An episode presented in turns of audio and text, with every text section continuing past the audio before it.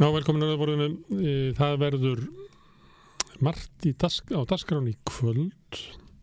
Afstast í þættinum er það sáða sósíliska fréttir. Það er Marja Pétursdóttir, Margrit Pétursdóttir, eh, Sara Stef Hildar sem ætla að segja þeir og það verður gestur þáttar Hjálmar Fridriksson með, með þeim konum. Í gær voru við að ræða við fólks úr búsóldabildingunni um mótmæli, tilgangi með þeim og hvort þau verið metað að veri svona lag til mótmæla, hvort það verið að það var áhrif á mótun samfélagsins með mótmælum.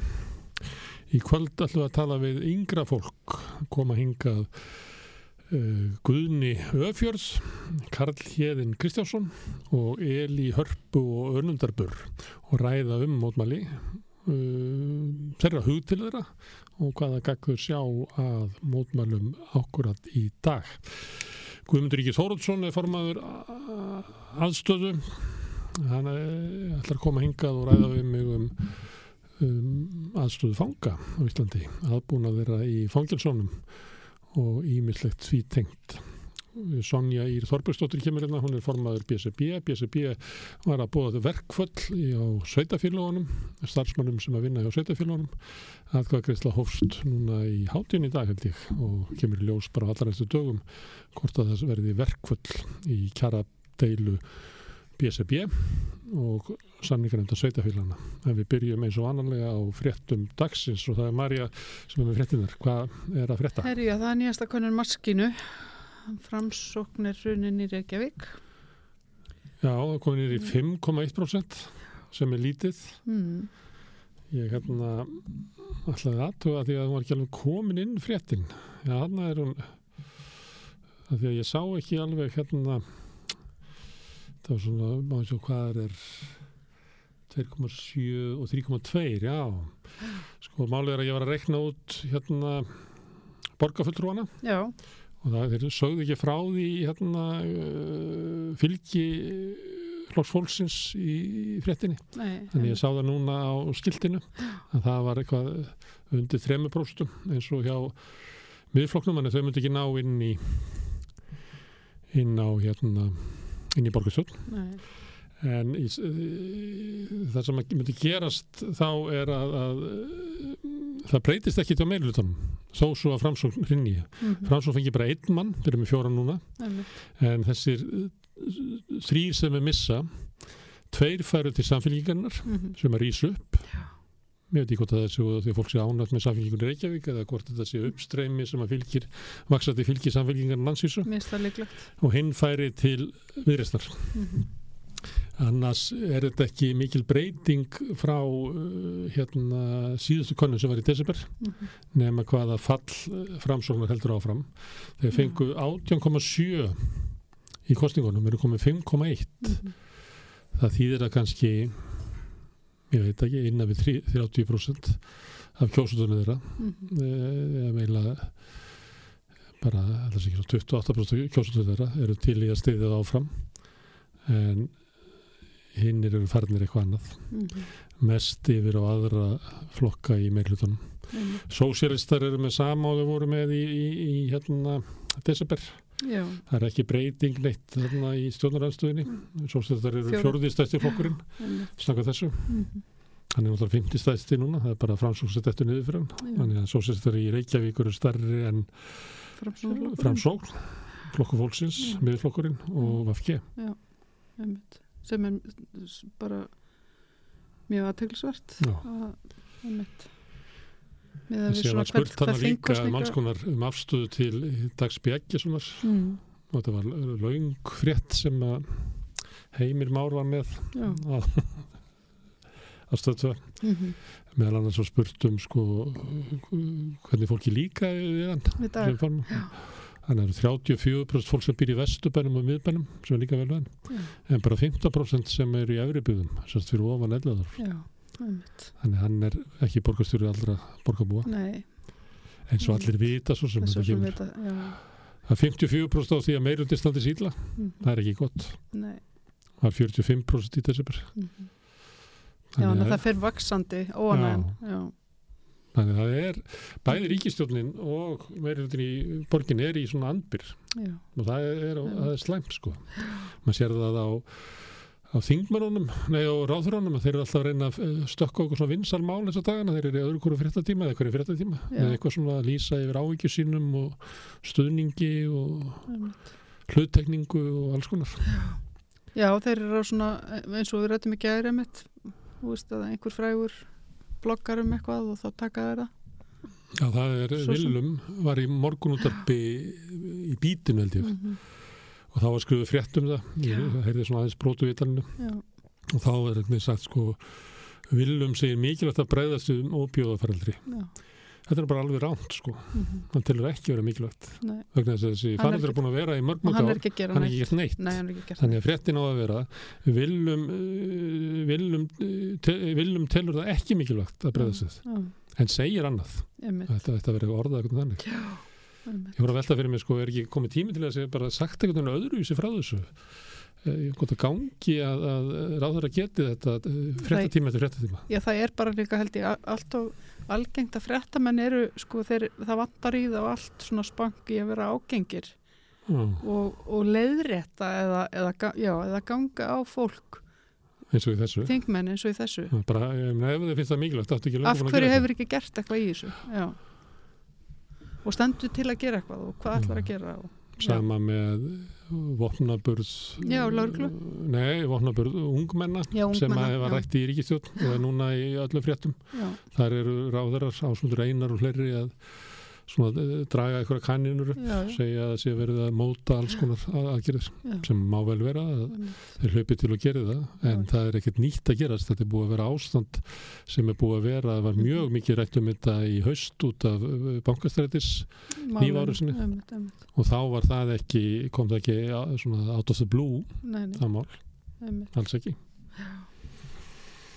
Herðu, já, BSB er búið, að verkfall. já, hún Sonja kemur hérna eftir. Já, hún var að ræða við þig um, um þau mál. já, þetta eru sveitafélögin Mm ég veit að ebling á eftir að semja við þennan hóp líka held ég.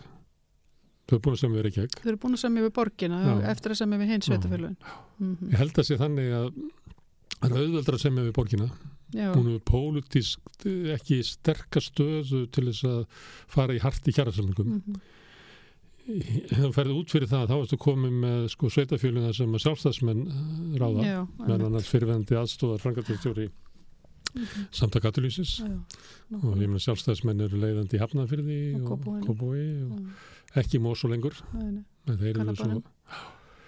Svo, og það held ég að sé þetta er þessi. hópur sem að vill ekki semja en svo er deg, ég verður að spyrja bara Sonja út í eftir það er verið að deila um það sko hvort að það sé munur á tilbúðinu og því sem að starfsgrunarsambandi fær Já, einmitt. það hefur skrifandir Herðu, já, einmitt.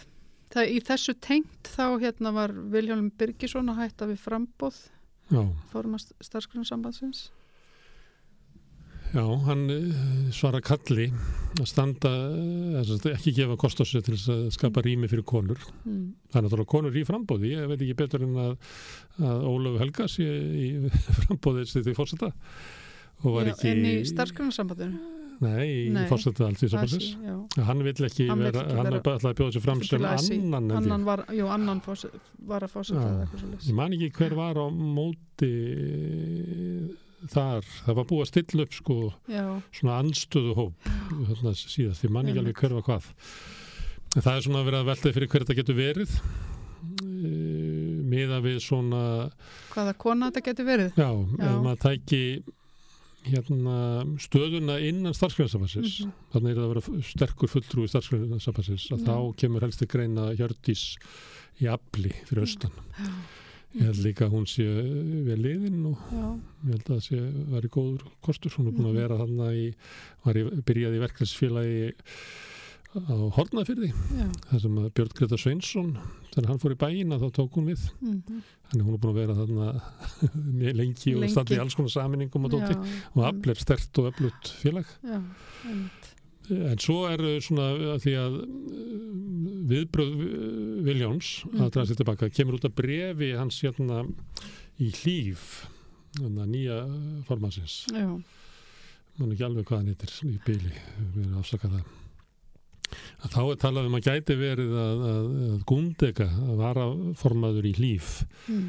gæti hérna, verið sett að inn. Það er ekki komið ljóst sagt fyrir hverjum Viljálmur er að standa. þeirra vikja, nei, einmitt þetta er allt, þetta er svolítið svona s- sérstakt sko, allt þetta kostningamáli innan uh, verklisræðingarinnar, þetta er svo mikið svona eða sérstaklega innan ASI og eitthvað svona þetta er svo mikið bara búið að semja með þetta allt fyrirfram Já, það er náttúrulega eins og starfsgrænsambandi kemur mm. og það er að bjóða sér fram Já. og fórst og það reynir að búa til eitthvað svona sensus um að, að það sé það er svona sáttu að hafa þetta svona. Einmitt. Svo þegar þingi byrjar þá náttúrulega getur allt farið í gang því að, Mm. að formenn í félugum hafi ekki yfiráði yfir atkvæðrétti fulltrúana en það getur eitthvað gerst. Einmitt. En þetta var náttúrulega óbóðlegt að vera fjóri kallar hana, mm -hmm. líklegastir. Mm síðan eða verður kannski kosið um fyrsta varafórstan Þannig það er ekki sami um allt þegar bæði Kristján Þórður sem eh, var í því áður en hann hækkaði upp í fórseta já, og Ragnar Þór. Mm Ragnar Þór hefur sagt vilja vera fyrsti einmitt. Og þá ég veit ekki hvort að Kristján er þá að berjast við eða, eða þeir eru þá, hver er væri þá að þeir myndu að deila milli sín hinnu já, hvort sem að verði þá eitt og þrjú eða eitt og Mm. tvö og svo verði konan í þriða, það ekki.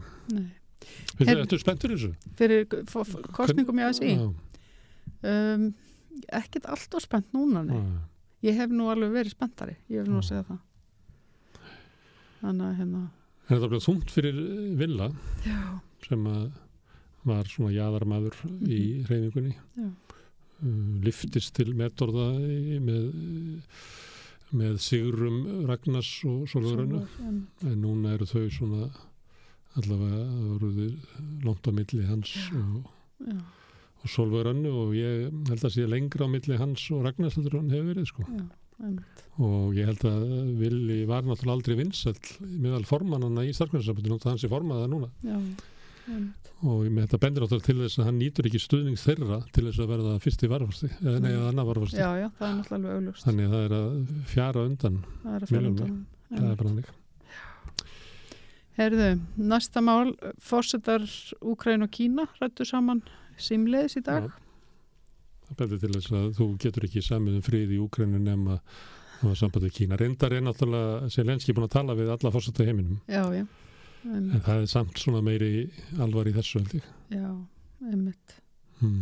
já, kínverjar hafa haldið fram að þeir vilja koma á friði milli rúsa og úkrænum hana já, og svona já, margir haldið fram að þessu einu sem getur gert það. Já, En er er einu sem hafa þau tök á setja held að bara- stólufellið þar alveg ímislegt til í því sko. Já, Já. af því öll vesturlönd eru um, ég veit ekki uh, það er ekki hægt að senda svislendingana að tala við ekki séðan svona en síðan hafa Mm. ýmsir verið að reyna Tyrklandsfórsati já, einmitt. Mm. Macron flýgur hann hann vil skilja eftir opið. Já, einmitt hann vil hérna, semja hann hérna, lítur svo á Já. flesta kannski í Já, Európa sem að tjá sig.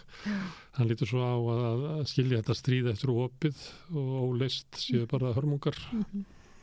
leið til hörmunga. Já, já, einmitt.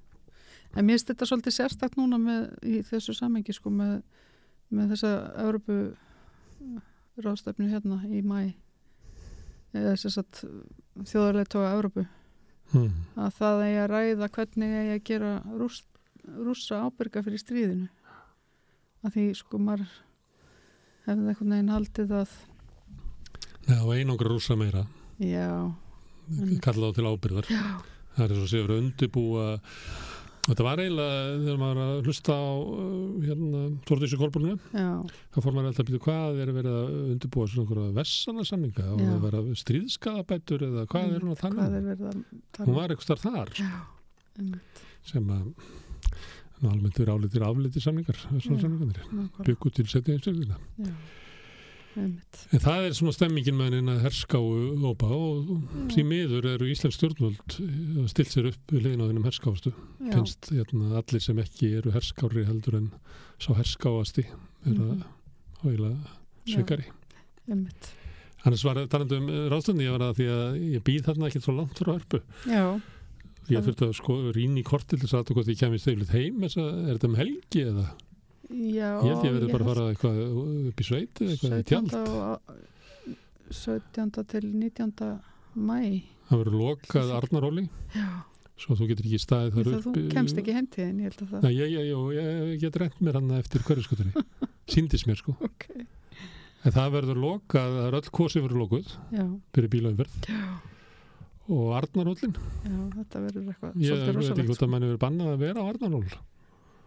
Það bara kemur ekkert óvart með vellan fjöldan af sko lörglumönnum Já. og örgisvörðum og eitthvað svona sem Já. að fleiti henn inn Þannig Þetta var svolítið eins og lokan er út á 17. júni eða eitthvað, nema 17. bara júni þá með allir fara, stærra þá er þjóðháttið. þetta er bara partí fyrir hörfáa, já, einmitt. ég veit ekki. Herðu, svo er það vega vega framkvæmdi Sigurður Ingi Já. uh, vil meina að það þurfa fjárfesta meina Ó, hækka fjárfestingastíði þá hækka fjárfestingastíð hvað táknar það í vegagerðin að hann, það þurfa að bjóða út fyrir fleiri já, sko, jargöng og brýr og vegi já, og, hann, ætlar að, hann, er, eh, hann kallar þetta samvinnu stefnu já, að fá enga fjármagnið til þess að fjármagna Ölfusabrú og yfir Hortnafjörðahús Þetta er alveg- og víða. Já. þannig að hann er enga veða vegakerfið. Já, já, og, og að- það sem að enga aðlarni fá já, að þeir geta eh, rukkað inn og þeir fá peningin og það er alveg ljóst þannig að þetta verður miklu dýrara fyrir almenning og það Já, vita já, allir allir og þessi aldrei rætt um það. Og, og sömuleiti þá er spurningilega eins og af hverju má, ríki má ekki sem ríki má ekki skulda meira. Já, það er svona á ríki gefn og búið til Ölfusróbrú nei, nei, en ef ríki myndi fjármagna það þá var komið skuld til ríkisjóði Já. sem að skattgreyndu þar að borga. Einmitt.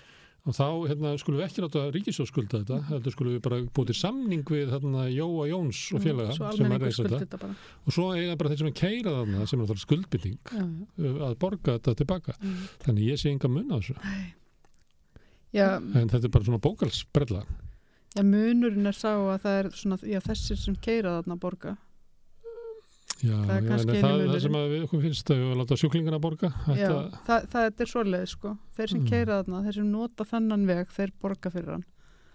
Svo Já. þeir sem að nota helbriðstjónustuna eiga þá bara að borga fyrir hann Eh, þessi, heldur þessi almenn sáttu það í, í nei, nei, það, ég held ekki sko. Að við höfum þetta er, vegakerfið þannig að við borgum fyrir það stykki fyrir stykki Nei, ekki nei. bara með þetta saminum er þessi hægri, hægri Já. mennska sko en þetta er satt í gangi, það er bara að bong, bong, bong, veit það. bong það er bara umbreyta vegakerfinu í enga, ég veit, enga svæði já, og samvinnu maðurinn Sigur Ingi stendur fyrir svo kallar þetta samvinnuverkefni. Ég Já. held að Og hvernig er þetta hægt sko, hvernig er hægt að setja sko stimpilinn samvinnuverkefni á einhverja svona framkvæmt það er bara, ég bjóst við því að sko að gras og framsóknarflokksins myndi trittast rís upp, Já. já, og segja bara þetta er ekki samvinnuverkefni líklega eru samvinnumennir allir löngu farnir sko, úr þessu flokki. Þetta er náttúrulega búið að vera braskara flokkur. Þetta var einu sem var þetta flokkur samvinnurhefingarinnar Mhm.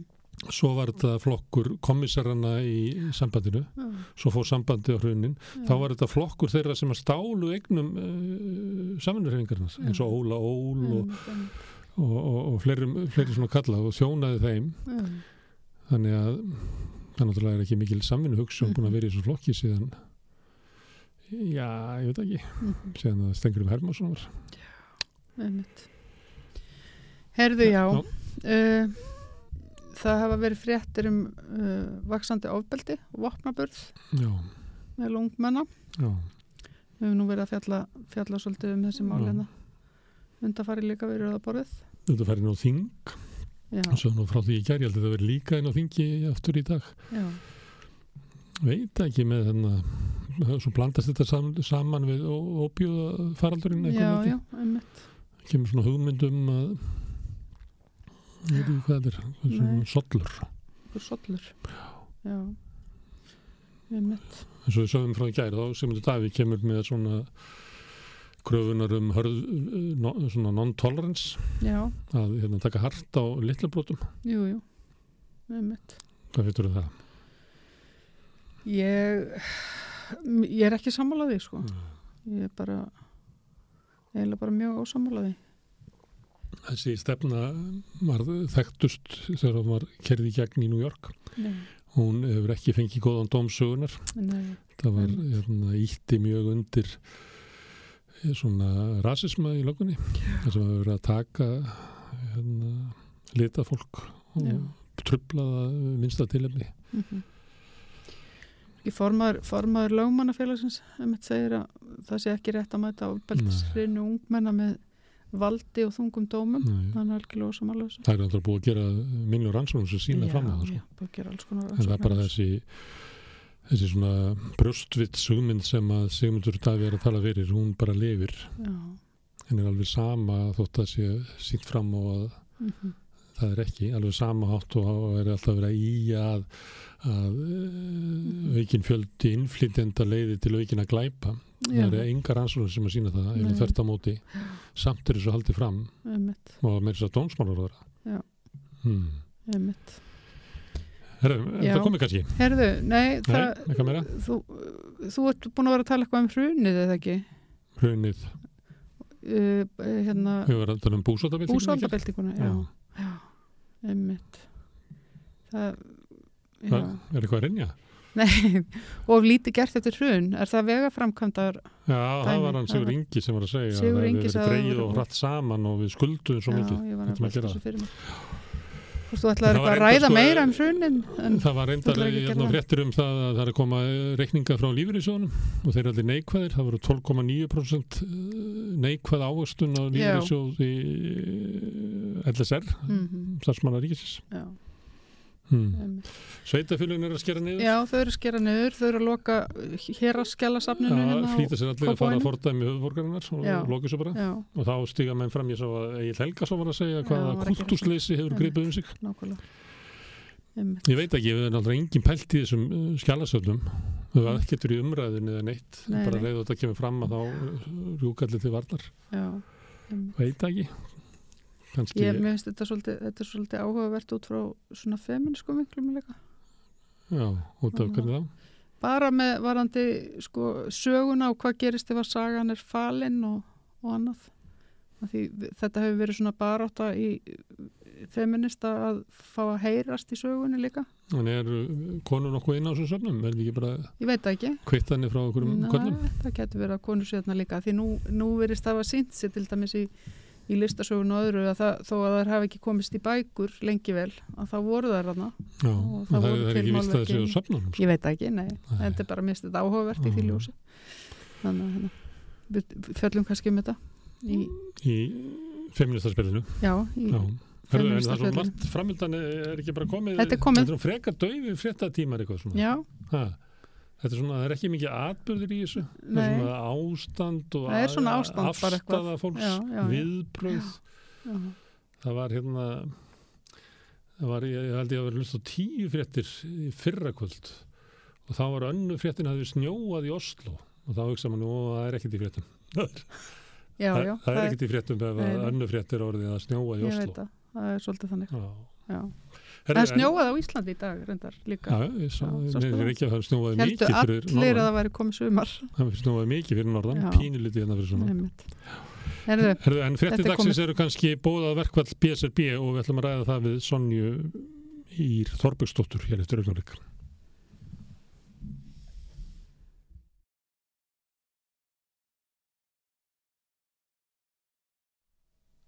Já, þegar allir heldu að það væru lítið eftir af samningavirðanum þá er bara skyndilega bóða til verkvalls Sonja Ír Þorbergsdóttir formaði BSRB hvað þarna er allt farið í strand í viðræðum ykkar við sveitafélögin sem Mhm. eru þá öll sveitafélögin nema Reykjavíkuborg Já, rétt. Og hvað hvað er vandamálið? Já, við auðvitað heldum það líka að hérna, ég ljósi þess að við værum að hólaða kröfur, kakvart öllum viðsemyndum að, að þessu er þið lokið núna. Um, en það er þannig að það er, sagt, er sérmál sem að tengist sveitafélagunum og kemur til að aðstæðin sem að við telum að þau hafi skapað. Uh, en það er þannig að, að það er ekkit kannski alltaf mjög skýr landamæri á milli stéttafélag. Nei. Þannig að við tökum eins og okkar fólk sem er í þessum 11 aðaldafélum BSB eh, sem að kjara delan snýraða núna og er að semja við samband íslenska sveitafélaga að þá starfa þau um landið allt og eru, stærstu hóparnir eru í grunnskólum og leikskólum og, og eru hérna í þjónustuðu fallafólk, áhaldahúsum og sundlegum og í höfnunum og þau starfa bara mjög oft uh, hliði hlið við SGS-félag. Mm. Þannig að segja mér svo, þú og ég sem bæði vinn á leikskóla Mm. og hérna SGS-félagar fengur launahekkum frá 1. januar en BSB-félagar er ekki búin að fá neina og tilbúið var með það að þau myndu fá það frá 1. apríl og þá segir við það er ekki hægt þegar þú ert í sama starfinu að mismuna fólki með þessum hætti og við krefist þess vegna afturvirkni á kjærasamningnum við gerum þetta auðvitað ekki við Ríki og Reykjavíkuborg að þeir voru ekki sambarlega raðstæður og, og svona skiptur okkur yngum máli þóttu eitthvað aðra stjettir sem um annan gildistíma það hefur ekki áhrif á okkar fólk. En, en þetta er alveg þannig að það er búið að vera mjög mikil umræða inn á vinnustöðum um þetta og bara mikil ólga og við vitum og erum búin að heyra það, bara mjög margir stjórnum til að sveitafjölun skilji ekki í hvernig þessu liggur. En þegar við gerum þess að kröfu við sambandið um að leiðrétta þennan Mm. mismun og þá bara þær netaði En hvenær rann samningur út? okkar samningur, Já. hann rann út 31. mars En þið viljið fá borga frá 1. janúar sem sagt, aftur á bakk. Já. Og það stendur í þeim. þetta eru Það- mánuðir sem vantar upp á Ég ætla ekki að taka undir með þeim en þetta er svolítið óvanalegt að gera kröfur um að, að hækkurinn byrji áður en að samningurinn er út. Já, en það er vegna þessar sérstöku aðstæðana. Eins og ég segi, ef þetta væri einhverja aðra stjettir sem hefur samið um annan gildistíma, það hefði ekkert verið að velta þessu fyrir okkur. Það er þannig að að það er, þetta er búið að vera svona í ára tugi, að fólk séu sömu eða sambarlegum störfum í þá SGS-félagunum eða þá, Meira minna á sömu launum. já, og ég menn þau eru á sömu launatöflu, það er starfsmætti gildi á sveitafélagunum, Mm. þannig að þau eru bara nákvæmlega sömu laununum að, að þá hefur í bara síðislega 20 ár alltaf verið passað upp á að hildar verðmæti og kjarabætur þessar kjarasamninga séu eins af því það er ekki hægt að mismuna fólki. Þó svo að samningarnir séu ekki með sama gildistíma. Nei, þeir hafa alltaf verið með sama gildistíma Hvað gerðist? Akkur uh, ferði þetta til? í þetta skiptið. Já. Það sem við heyrum er að ástæðan er svo sérst í síðustu kjarasamningum 2020 um, að því að ef við erum aðeins upp hann 2020 þá tók mjög langa tíma að gera kjarasamninga Mm. og sambandi var búið að semja við eins og yðnaðamenn fyrir áramót þá 2019 og, og þar var gildistíminn til loka mars 23 og bara allir kjarasamningar sem voru gerðir í þessari lótu við Ríki, Reykjavík og Borg og sambandi voru með þennan gildistíma. Svo breytist eitthvað hjá sambandinu og þau fara að krefjast þess að okkur um nokkra vi- vikna tímabili Mm. að gildistími verði til september 2023 og, og við vorum að heyra það fyrst núnundaginn að ástæðan fyrir því að þau voru með þessa kröfu var að þau sá sængsina útbreyta og þau myndi líklega stefna í verkvöld hjá eblingu í þessari kjærsamslótu sem við erum í núna, Mm. 2023 og, og raunverulega hafi staði sko viljið til þess að veikja mátt þeirra verkfalla Mm. með því að, að þá væri friðaskilda á SGS-félögum og BSB-félögum. Af því þetta eru svona sambarlega störf hjá Það sveitafélögum. voru náttúrulega verkvöld hjá eblingu gagvað sveitafélagunum sem að voru frestað þarna út af COVID og byrjuði svo aftur og skiluðu ebling á getur sálangar Já, og þau byrjuðu samt sko, ég meina við erum undir þetta þarna í kringum, ef við erum undir þetta 9. mars 2020 og ef Mm. ég mani þetta rétt, það voru verkvall eblinga svolítið setna. Já. Þannig að þú veist, hvort að þetta hafi leiði fyrir, Já, það- sko, frestuðst eiginlega út af COVID tóku sér Já. svo upp aftur þannig að ég, ég var að reyna að rifja upp sko hvort Mm. það hefði leiði fyrir á þessum tíum punkti þegar sambandi er að vesenast með gildistíman, eh, hvort að hérna ebling ætlaði sér í verkvall eða væri byrjað að undirbúa að gera þannig það er þannig að allavega þessi samsæli sveitafélagin horfi sérstaklega á eblingu að þessi að undibúa það að semja við eblingu og reyna að semja við ykkur og SGS einhvern veginn til þess að veikja samvinstöðu eblingar Já, það eru þær útskýringar sem við fengið sko núna að því að við erum náttúrulega spurt á móti þau segja bara mjög skýrt, þið fáðu enga afturvirkni það Mm. mismundi gildistími og þið bara hefðu þetta með öðruvísi og sem þetta er náttúrulega mjög þunnu þrettandi og stendst enga skoðun að því að við erum hérna með jafnbrytslöggildi Mm. og lögum jafna meðferð á vinnumarkaði sem þýður þú mátt ekki mismunna fólki í sömu Mm. eða sambarlegum störfum í launum og líka með dómafrangat á því. Þú getur ekki sagt bara mismundi kjarasamningur og bent á það sem ástæðu fyrir mismundi launum fólks. Og þá seg, koma alltaf með þetta sama, það er engin svona frekari útskynning á þessu og svo segja við byrja, okkur er þetta svona? Okkur eru allir ofinberi launagreðendur með gildistíma og kjarasamningum við sína viðsemundu til loka mars eh, nema þið og þá er umverulega bara í þremu tilfellum. Það var sérst ebling og það voru sjúkarlegar og svo var þetta landsamband slökkulis og sjúkarflutningamanna. Og þá náttúrulega svöruðu engu en, en svona eftir að hafa já, svona grafist svara við það Mm. að þá kom þessi skýring fram.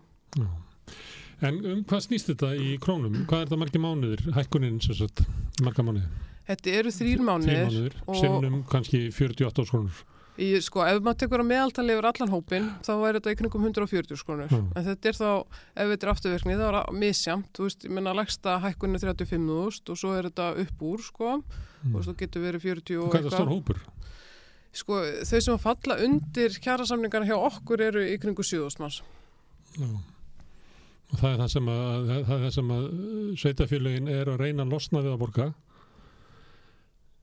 Eru þá, sko, þau segja að þetta sé Næstu því 800, milljarður. já, 800 miljónir Mm. segja það á fundum og segja miljardur í hérna einhverju minnisblöðum sem það Mm. er lagt fram Eh, þau þetta bera líka fyrir sig að, að hérna, ef að við myndum fá þetta þá myndi aðri gera þessa sömu kröfu og og hverjir verður það sem getur gert þessu hverju? ég því að það er náttúrulega eftir að gera eiginlega alla kærasamninga þau eru Mm. bara búin að ganga frá kærasamningu við yðnaðamenn og held ég dýralækna þannig að Mm. þá væri að horfa á BHM-fjölin, á æblingu e, á hérna hver eru eftir Já, já. Og þannig að þau vísa til þess að þetta getur kosta þau miklu meira. Og þau Þrjá- eiga þrjá bátt, þau skulda svo mikið, það veik staða, lí- líður illa í auknum uh, hækkandi vöxtum, skuldur í sveitafélögin, þau hafa ekki borð fyrir báru. ítrekka sko, En þið segir að- þetta er bara réttlætismál og veru til í að höra verkefni. Já, ég, þetta er bara klálega réttlættismál. E, Þið getur aldrei sagt eitthvað við þetta. þú getur ekki mismunna fólki með þessum hætti. Þetta er Mm. fólk sem er á launum að meðaltali frá 400 til 470 þúsund. Mm. Við erum í 10% verðbólgu. Þau hafa ekki fengið launahækkanir frá því april 2022 Mm. og það munur hann hverja krónu. Það er bara þannig. Óháð því hvort að verðbólgan verður svona háið ekki sem gerur stöðuna bara ennþá veri. En sko það að fara afsaka sig með bári fjárástöðu sveitafélaga Mm. uh, starfsfólki sveitafélaga var það bara ekkert um það. Veist, það er ekki hægt að nota það sem rauksend Mm. til þess að mismunna fólki. Nei. Þannig að þau verða það bara saminast að gera eitthvað annað. Mm. Og það er vilji, það er náttúrulega ekki komið ljós, það er verið að greiða atkvæðum þetta. Þú reikna með því að það er verið samþygt með góðu meiruluta að fara í verkvall. Í, það er auðvitað þannig að lámast þáttakan á ofnbjörnum vinnumarkaði í svona atkvæðagæðsli er 50%, þannig að hún Mm. verður að vera minnst okkar það. E, við sáum í síðustu hérna, atkvæðagæðslum að því við vorum á leðinni verkall og vorum rétt aðeins byrjuð þannig að 2020 Já. að þá var mjög góð þáttaka og það er mjög mikilvægt að það sé mikil þáttaka Mm. og við fáum afgerandi niðurstöð af því Mm. það hefur auðvitað áhrif við samningaborðið Já. þannig að við auðvitað bara hvetjum alla til þess að kjósa Mm. félögin eru svo auðvitað búin að vera að halda fundi með sínum trúnamannaráðum og, og fara inn á vinnustað og svo framvegis og, og þau skinja það bara þannig að fólk sé bara mjög áfram um að þetta sé eina sem er eftir það er auðvitað þannig að það er, það er búið að vera býsna langar kjærsansviðraðir Já. og, og þú, það er búið að reyna alla leiði til þrautar. Við með þess að fórum þá leiða eftir að vísundi ríkisátt sem er að við bara að við trúðum því ekki. Að sambandið raunverulega að því að þetta er svo er svo ómálarnalegt og þetta er svo lítil rauksandafæsla fyrir þessu og svolítið bara svona því að þetta gerir þetta öðruvísi. Að, að, hérna, að við vorum að fara fram að, að við myndum fá einhverjum neginn skýrari surf á þeirra baklandi þannig að þetta fór til umfjöldunar hjá stjórn sambandsins sem eru þá einhverjur 11 fulltrúar Mm. sveitafélagi í.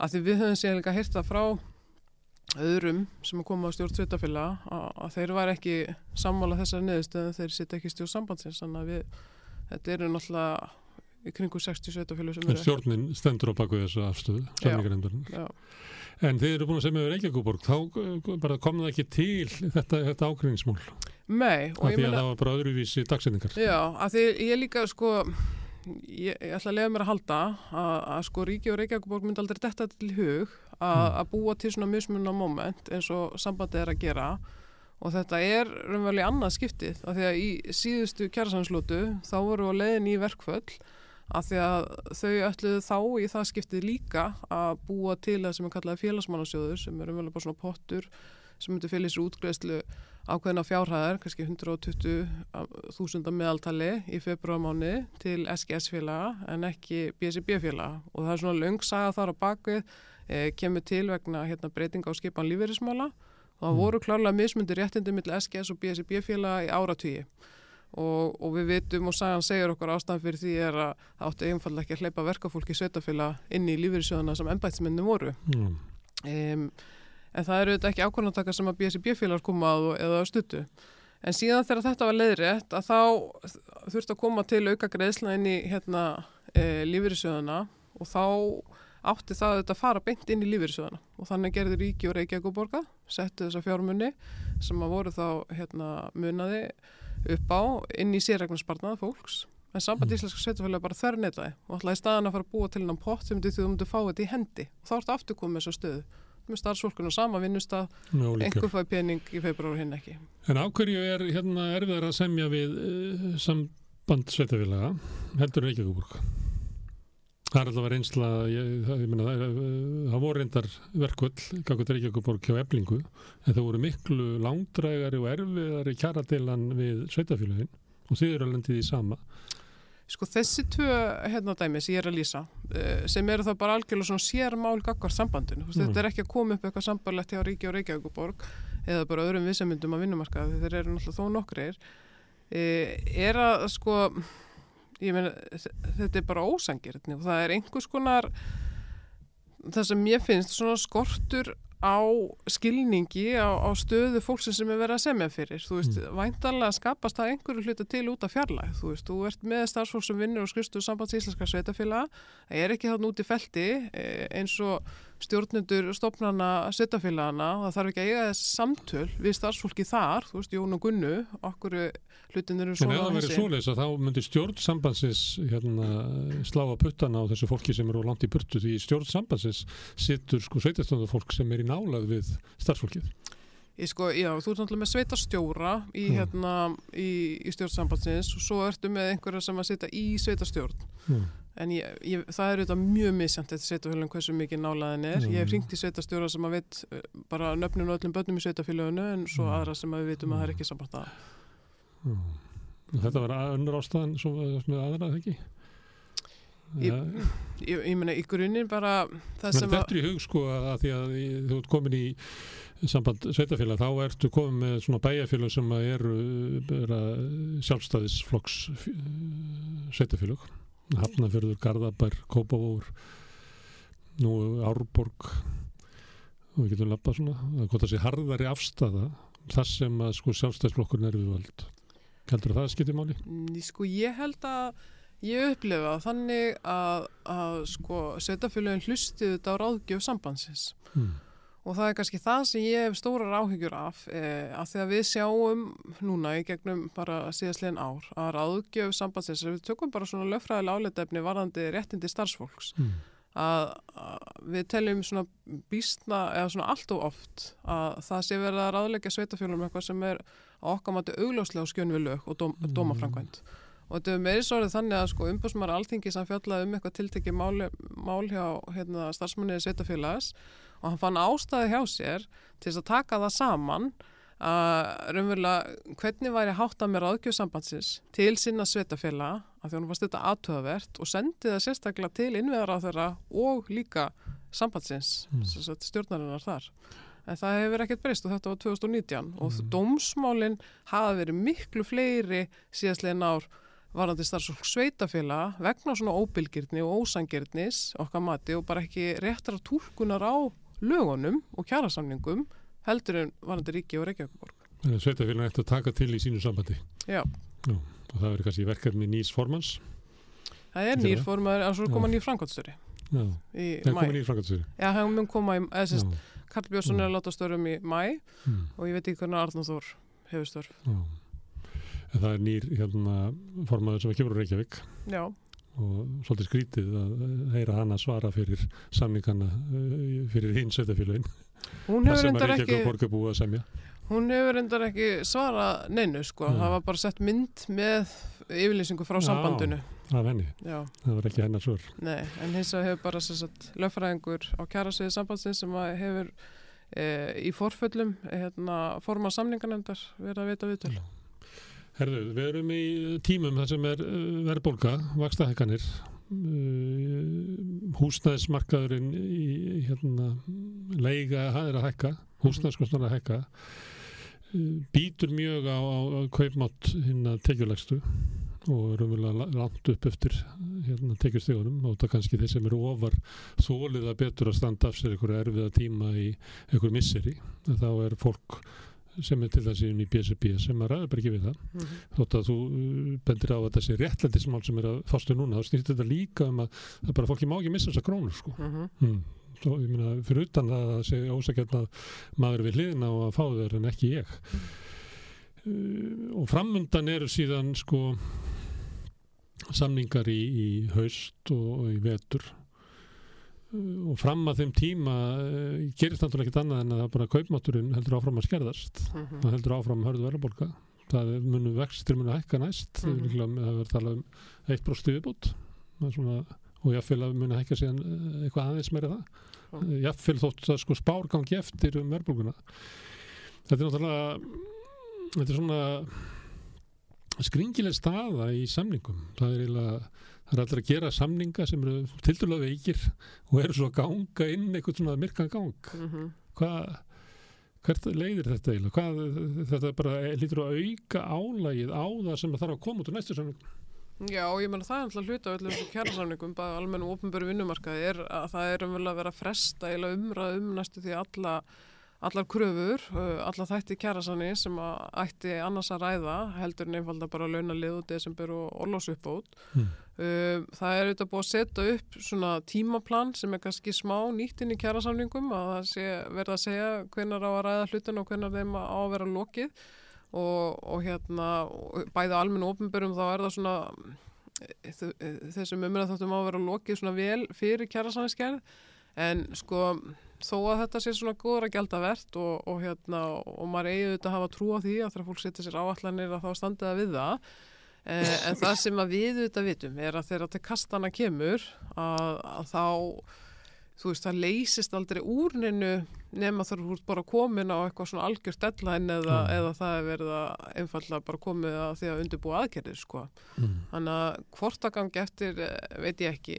E, við Svo hangi líka margt á spýtun er það ekki, það getur verið erfitt að, að afgreiða einhverja einstaka þætti í kjærasamningum vegna þess að þeir, þau tengjast yfirleitt öllu öðru sko.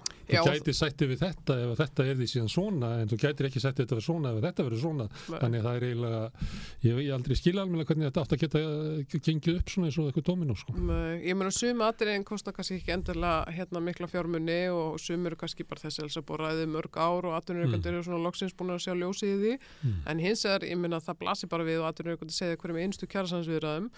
að þú veist, það verða að tala um allt í heildasammingi og vilja ræða launaliðin oft miklu fyrir heldur en hérna stjættafélögin af því það segja, ég meina það telur allt inn í kostnaðamati og við þurfum að Mm. skoða þetta út frá því Þannig að eins og ég segi, þú veist, það er mögulegt að flýta fyrir einhverju umræðu, ég meina það er líka bara svona misjæmt hvað fólk vil taka sér langa tíma í svona kjærasansviðræður, en, en hættan er auðvitað svo að þú veist, það verði engin svona alvar á baki, þú ert í svona viðræðum að því það er engin komun, er engin þungi, skilju. mm. Ég meina við samninga losna hvað almennu vinnumarkaði í loki januar, Mm.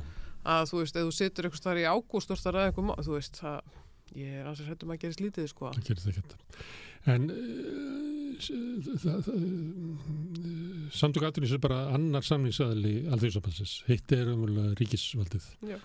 Og, og það hlæðst alltaf upp þar og var að hlaðast upp að þessu skamtímasamningum og það, því var slegið á frest umverulega kröfum um, um stórar aðgerið í húsnæðismálum, í skattamálum og ýmsu öðru Það var kannski ekki slegið á fyrst kröðunum varandi húsnæðismál. Þú Veist, þ- ég meina það var mjög að búið að vera í, ég ætla, já, nú veit ég hvað ég ekki með langt aftur, en við erum að tala um alveg vel fyrir uh, fjöldamána áður en þau skrifu undir almennu vinnumarkaði. Þá var búið að þoka í þá átt að það var að reyna að búa til eitthvað náttúrulega samilega skilningu hvern, hvað eitt að gera. Mm. Uh, og síðan er verið að reyna að að vinna úr því og, og er hérna margt langt komið. Um, eitt af aðtýrunum sem að þetta er að gerast frekar seint og er í gangi núna er að skoða hvernig húsnæðstunningi á að vera hátta því okkar kröfur auðvitað það er að þurfa að hækka stuðning og þá er verið að skoða sko hvort að ég að samina eða horfa frekar til þess að húsnæðstunningur heilt yfir, hvort sem að vaksta bætur þetta fyrir fólk sem á eignir eða er að Mhm. leia mm. að þú sérst frekar að horfa til þess sko hverju þurfa stuðningnum að halda og sérst svolítið að mæta út frá því og þetta getur orðið býstna langt samtal þannig að það geti orðið einhver byð að það komist einhver niðurstað í það og svo þetta líka samtalið um leigubremsuna, það tekur náttúrulega óra tíma með hvað að mínum að þetta er einfalt mála þegar við hefum okkur fjölmarka fyrirmyndir ellendis frá. Já, og getur verið hættulegt að vera bara með húsnaði spætur og enga leigu bremsu því það leiði til þess að þú ert raunverulega bara að flytja styrkin yfir til þeirra sem eru að leiða út Já, til Já. þeir fá mest út úr Og þessu. þetta verður náttúrulega haldast í hendur, þannig að þetta eru, þetta eru hérna svona á sambarilegum stað í vinnunni. Það er, það er aðgerðir nei, ég og sama tíma núna eru fréttir um það að vera að draga úr framkvæmdum þannig að, að margt sem bendir til þess að húsnaði skreppa muni bara aukast að, já, og það eru þetta hættan. Það er búið að setja sér plan um þessar eh, 35.000 íbúður á 10 árum er það ekki? Er ég ekki að fara með rétt á tölu? Mm. Að, hérna, og krafan okkar hefur verið og þar af verði sagt, að þið þá að gefa í þetta var svolítið framhlæðið að byggja fleiri íbúður á, á fyrstu árunum Mm. og svo hægar á, á síðustu fimm að, að það verði allavega byggðar eh, þúsund íbúður innan almenna íbúðakerfisins og svo eru þetta líka verið að ráðstafa inn á hluteldalánin e, það sem ég óttast er með þetta. Hluteldaránin dóu náttúrulega bara drottninsinum af því að, af því að þau bara, það var svo þröngt öll mörg þannig að það var ekki til húsnaði sem að fjalla undir þetta sko. það eru mjög margir ennþá innan sko verkefliðsreifingarinnar sem að hafa mjög mikla trú á þessu og er að kera mjög fast á þetta. Og það er verið að stefna því að, að hérna, auka fjármagnið í hluteldalánin eh, en ég er sammála, ég hef áhyggjur af því að það hafi, raunverulega þetta hafi ekki skilað neinu hinga til. Út og þá er spurningin sko hvernig við nýtum best fjármunna um, en ég hef líka áhyggjur af því að þú veist við sjáum það líka bara núna ég menn þetta hefur áhrif á á verktaka og framkvæmdaræðila á markaði og þess vegna hefur við líka sagt það mjög skýrt að í þessu uppbyggingu og þessu krafum þúsund almennar íbúður það er líka bara til þess að halda sjó að einhver leiti að því við erum þó með aðeila sem að getur haldið áfram eins og bjarg og sömuleiðis að tryggja það að þetta sé meira á félagslegum fórsöndum heldur en að hefur verið hingað til og það var eiginlega svolítið merkilegt hvað það tók langan tíma að fá viðurkenningu á því að markaður myndi ekki leysa öll mál það hefur Mhm. verið þung umræða og er ennþá svona, það er náttúrulega ekki allir komnir á, á þann vagn en allavega með að við sko yfirlýsingar ríkistjórnarinnar að þá er það hluti af þessu hérna stefnu sem það er sett framöndan e, þannig að þú veist það er kannski svona stóri þátturinn framöndan það sem ég hef áhyggjur að varandi við tölum um sko stuðningi við fólk mm. er að jafnvel þó þessi starfsópar e, klári og þá kemur aftur þetta, þú veist, það er ekki komið að einhverju svona ögur stundu af því að það er ekki, núna er svolítið langt í næstu kjærasamninga Mhm. að það sé ekki komin einhver alvöru þrýstingur að þá er hættið þetta verði ekki nándar nærri það sem við höfum sett okkur markmið um BSIB og ASI og, Mhm. og, og verkefælisreifingin um, þannig að ég, og óttast kannski bæði það að það verði ekki nála því sem að hérna, við erum að gera kröfum en svo og svo kannski, aðgerir ríkistjóðnarinnar já og svo Mhm. kannski líka hitt sko að þau hafa hingað til svolítið gert það, við sjáum það með fjármála ölluna að hún gerir ekki ráð fyrir svona mikill uppbyggingu eins og þau hafa þegar bóðað og það er svolítið svona talað um það, ég meina þe- þetta verður gert samt þó að fjármála öllun gerir ekki ráð fyrir því að, að þau hafa gert þú veist, þessar aðgerir sem stjórnvöld grípa til þess að liðka fyrir um gerð kjærasamninga að þau hafa ekki vilja skilur, þau vilja hafa þessi spil upp í erminni, þú veist, þau eru ekki að fara að reyða fram fyrir að komið að þessari augur stundu og með við erum að reyna að segja núna það er það erfitt landslag að þið geti ekki bara beðið eftir þessu Mm. mómenti, þið þurfa að framlega þetta allt til þess að minka þrýstingin, sko, Mm. til þess að fólki líði betur. Og svo bætist því það sem að til þess Ragnar Þór orðar þannig að, að hann sé það að samið þetta fólk og hefur bara svikið þannig að hann vill ekki semja fyrir það er bara búið að komið í hendi það sem ríkistjóðnir ætlar að gera. Já, þannig að hann er ekki til í að fallast á það að skrifa undir okkur samningur um út okkur lofur já, því hann getur bara dreigið upp mörg lofur sem voru í, í, í lífskjærasamningunum sem eru óemd þú nefndir leigubremsu.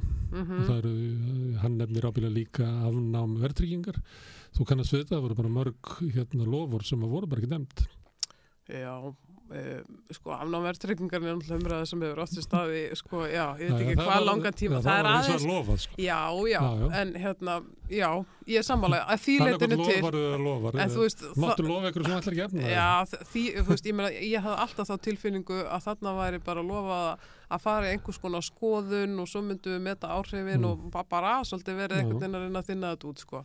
En, en ég sammála varandi legubremsuna, þú veist, Mm. það ættu þetta lunga að vera komið til kasta, En, en það er auðvitað ástæða fyrir því að samtök atvinninganda hafa lagst bara mjög fast gegn því. En ég held að stjórnvöld finni það núna að þau komast ekkert lengur undan því að það getur ekki verið þannig að hérna, það er samið um einhver lofórð sem Já. eru fórsetta þess að, að verkefnisreiningi skrifar undir en svo er þetta ekki emta því að samtöku aðrunum sem voru á móti því sko.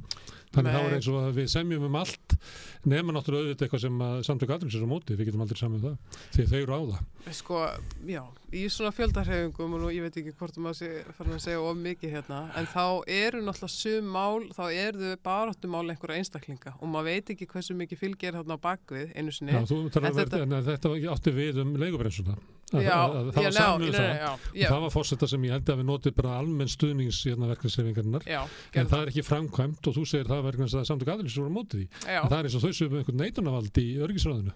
það er náttúrulega stundum, eh, þú veist, virkar það þannig, sko, þannig að, Bara, þú ætlar að segja grow up, þú býrð á Íslandi. það sé eiginlega þannig. já, svolítið. Ég meina, þú veist, maður verður bara að horfast í augu við það að, hérna, að þau hafa áhrif og allt og mikil áhrif, uh, en er ekki nei, bara svona, hérna, tímabundi ástand til að maður er sinni í gegn.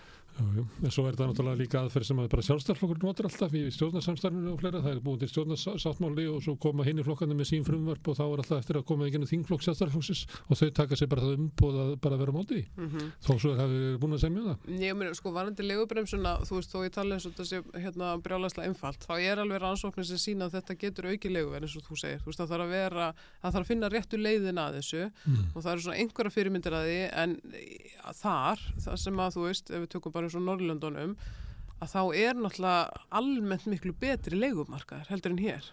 Veist, að, Þeir hafa bæði meira frambóð á, á, á félagslegu húsnaði og þeir hafa regluvættari legumarkað. mm og yfirleitt ertu með hérna, í, í samfélagum þar sem er ekki mikla, regluvæðing -hmm, þar er mjög sterkur félagslegur markaður að það er minni þörf á því. Já, það sem er veikur félagslegur markaður þar eru meiri reglur og meiri líkur á þessu með leigubrens og eitthvað slíkt. Mm. við búum hins vegar við eitthvað þar sem við erum með veikan markað og veikti með En líka bara, ég meina, þú veist, hvað maður að segja, allir sem að þessu koma eru bara forritaðar allt annan hátt, þetta hefur aldrei átt að vera á félagslegum fósundum og þetta er umverulega þannig að þegar það er verið að e, fjallum það núna og verið að kynna eins og fyrir sveitastjórnum að þurfa að byggja upp meira á félagslegum fósundum, mm, þá, þá halda allir að sé verið að tala um þá aukna uppbyggingu á félagslegum íbúðum, sko, Mm. þú veist, eða skil ekki konseptið, þú veist, við erum bara þar í þróskastíðinu, þannig að þú veist, ég, ég skil kannski brekkuna að því leitinu til, en, en já, og á sama tíma og sérregnastöfnan er yfirlega raunin það sést bara því að það eru bara æfærri íbúðir, þessast íbúðir sem er komin að í hendunar á, á fjölskyldum sem eiga eitt húsnaði Já, en við erum hins vegar búin að búa við sérregnastöfnu stjórnvalda. en hún er eiginlega fallin sko. Já, áratugi, mm. en og þú veist, og þau ætlar að vinda ofan að því og þá koma þau með að móta því svo hefur verið svo hérna húsnans og markastofnun gert kannanir og spurt leyendur sko, þú veist, mynduru, eða bara fólk, mynduru Mm. fyrir eitthvað vilja leia eða eiga og auðvitað segja allir eiga Mm. þegar leigumarkaðurinn Já, er ömulur og þá mm. notaðu það sem, þú veist, þannig að þetta er einhvern veginn Það er aldrei 30 hæðin eða hverju möguleikandir eru, það er bara alltaf verið að koma skamt frá þessu eins og hægt er. til þess að koma því inn í hausnaðum þá þarf verkefnisreifingin að mæta samhend með Já, kröfur og hendur hérna, stjórnvöldum Já. Það En hún, er hérna- reyndar, hún er mjög samhend þegar kemur á húsnæðismálum og reyndar flestum þessum málum sem snúa stjórnvöldum, Já. allavega ASI og BCB og, og svo er BHM og KI oft með okkur líka. Ég talaði við hann Fimmbjörn í gær Hermansson sem að flesti spáði að verði fórseti í lokvíkunar hann var að tala um að það er að samina alþjóðsamband fólkinu alþjóðsambandsins í, til góðra verka. Mm hann ætla ekki að fara að leysa deilur myndi fólks heldur einbeinaði beinaði maður einhverjum verkum.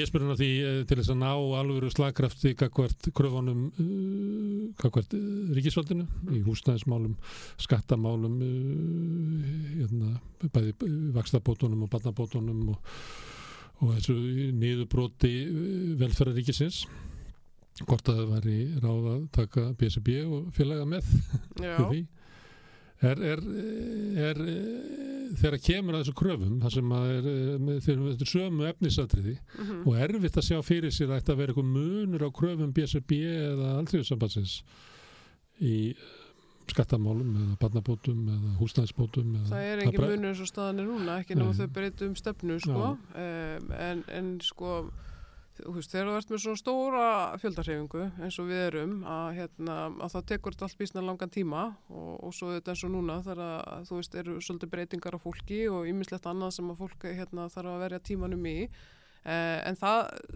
sko, ef við tökum við svo lífskjærasamningin að þá var umverulega bara samtali við ASI, ASI mm. laði fram sinn kröfugerðarlista, gafka stjórnöldum og, og við vorum hann að dreina borðinu uh, og áttum eitt fulltrú að sameila, sérst BSI, BBHM og KI og þá var samt samtalið svolítið meira út frá þessum fósundum eða um þennan kröfugerðarlista ASI og, og við hugsaum BSI með bara ok, menn þetta er allt mál sem að þú veist, eitthvað sem er í okkar stefnu þannig að þetta er bara frábært ef þetta gengur fram og, og bara mjög góða niðurstöða e, í því og við vorum síðan með styttingu vinnuvíkunar mm. og, og þau hérna líka bara svona öðru í sinni niðurstöða e, og síðan kannski þú veist eins og núna ef þetta hefur verið vennilega kjæra samningar þú veist þá hefur það byggla að því það er aðeins búið að reyna breytun takt og það er það sem að ríkistöndin er að gera eh, með því að kalla okkur öll saman á vettvang þjóðasás að, að þá er verið að ræða þessi mál sem ætti að koma til undirbúnis fyrir gerð kjæra samninga og þar eru við að undirbú okkur saman og það er búið að vera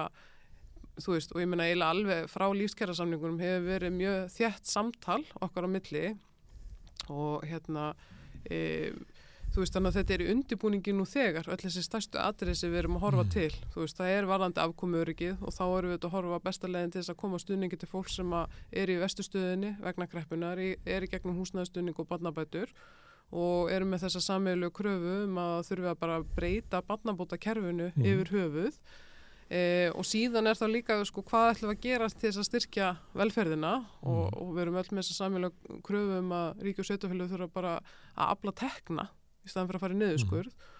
og síðan er þá krafa um það að það verði brúa bylið milli hérna, fæðingarlós og leikskóla e, við reyndum að koma heilbriðismálum líka að sérstaklega mm. e, en það var svona ekki Já, það var ekki, það var alltaf kennst ekki að í þessari lótu umræðinar og, og það sem er þá verið að gera er að það á að vinna þetta nánar þá í samstarfi aðla vinnumarkaðarins og, og stjórnvalda núna framundan og þá er kannski aftur þetta, það er að vinna goða greiningavinnu og það er að taka debatt og það er að reyna að komast að einhverju niðurstöðu en, þú veist, öll að stundin rennur ekki upp fyrir að það er komin alveg þrýstingur. Já. En einhverleit er það þannig að, að staðan er þannig út af svona hægri hörnun ímsakerfa, mm -hmm. barnabótakerfi það er svona hæg hörnun, vakstabótakerfi er bara hröð hörnun, mm -hmm. við getum tekið fleiri, ég er mjög gaman að taka inn í þetta að það hefur komið fram að það eru heilmikið færri sem að taka námslán núna heldur að vera tíu árum sem er svona, bara ekki tekið eftir þessu það er svona kerfi sem er að hörna þannig að fólk á efni minni fjölskyldum hefur þar alveg veikari kost til þess að sækja nám En vitum við eitthvað, að því ég hef ekki hirt þetta vitum við ástæðinu fyrir okkur? Það er að því að það hérna, námsláninu þá lág, að fólk verðist að þurfa að vinna og þá missur námslánin mm. þannig að ef þú ert ekki með stuðning af, af hérna að vinnu með námi til þess að geta að lifa af. Já, og svo náttúrulega húsnæðismarkaðurinn það kemst ekki inn sem er reynda dýrt hjá félagstöfnum stúdenda að leiðar það fyrir nú bara slaga í að vera kannski 70% námslánu sem við getum fengið sem við borgar. Að það er á venjulegum uh, húsnæðismarkað þá kostar þetta mikið þannig að þetta er bara kerfis að, að, að það næri ekki að uh, mæta framfæslunni hjá krökkunum sko. mm -hmm. þannig að þau þurfu bara að fara að vinna og þar lendi missaðu réttin á náman Það alltaf verið þannig að þurftu kannski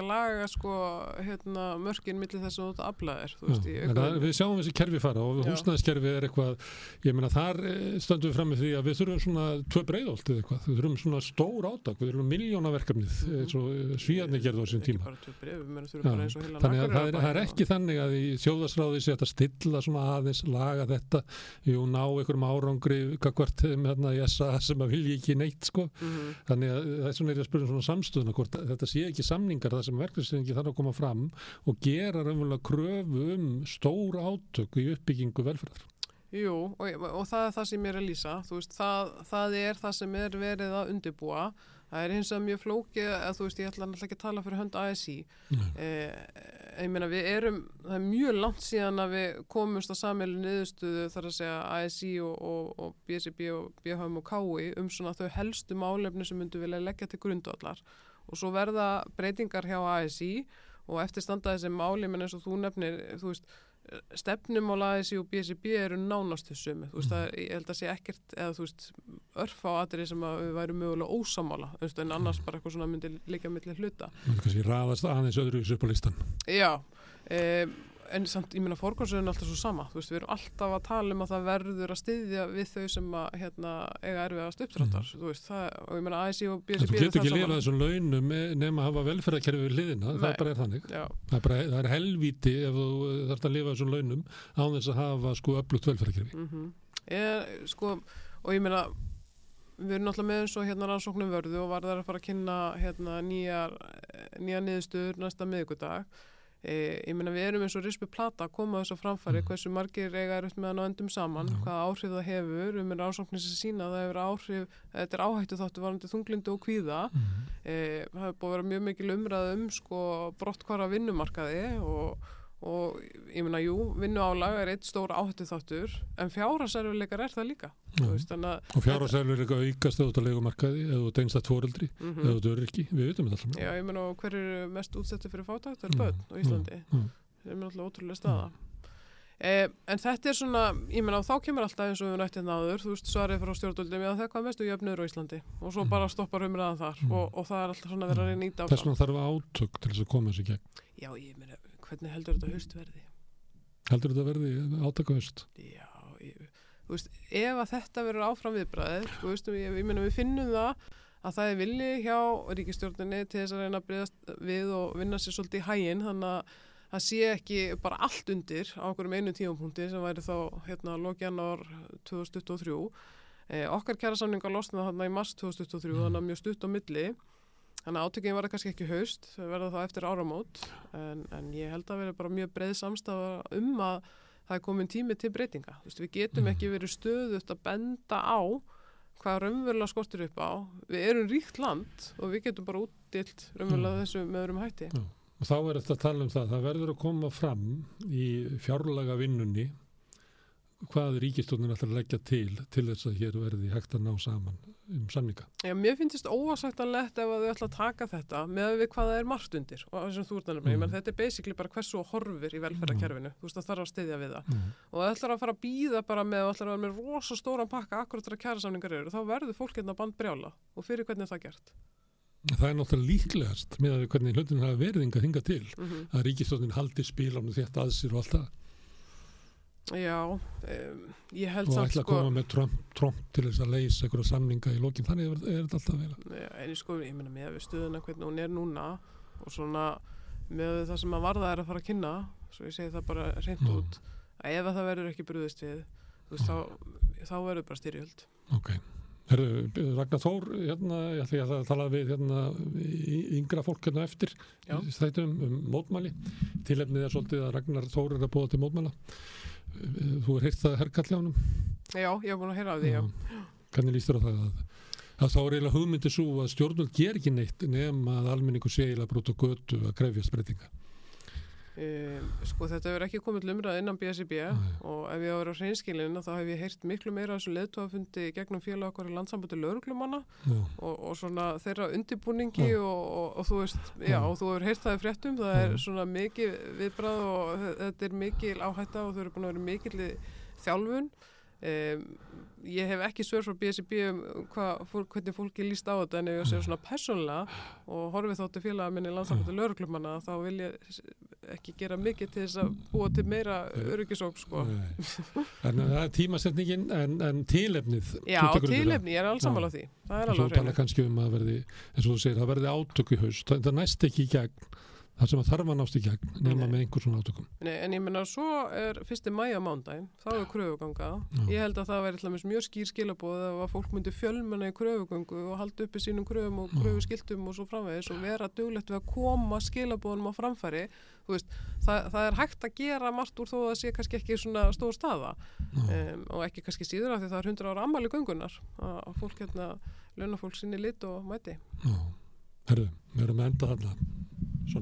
gerða þakkir. Takk. Og við ætlum að snúa okkur að næsta máli sem eru fangar eftir augnablik. Er rétt að greiða lámarkslaun fyrir hámarksábyrð? Til að manna mikilvægustu störfin þarf mannsæmandi laun. Ebling, stjættafélag.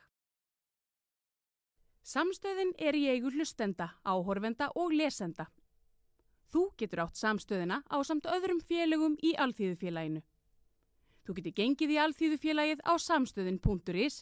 Þar er nappur sem segir skráning. Með því að ganga í leyendasamtökin stiður þú baráttu leyenda. Leyendasamtökin eru fyrir alla þá sem vilja berjast fyrir réttlátu húsnæðiskerfi. leyendasamtökin.is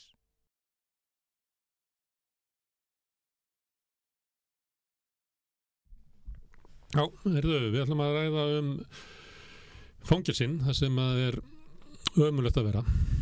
Og sumi finnst það reyndar að það eigi að vera ömulegt að vera í fangilsunum. Guðmundur Ingi Þorvaldsson, þú ert formaður afstöðu sem er félag ekki fanga, eða hvað? Já, það er hagsmunafélag fanga Það er hagsmunafélag og, fanga. og það er líka félag annara áhuga manna um Já. bætt fangilsmál og betrun. Herðu, er hérna eru fangilsinn hér slæm á Íslandi?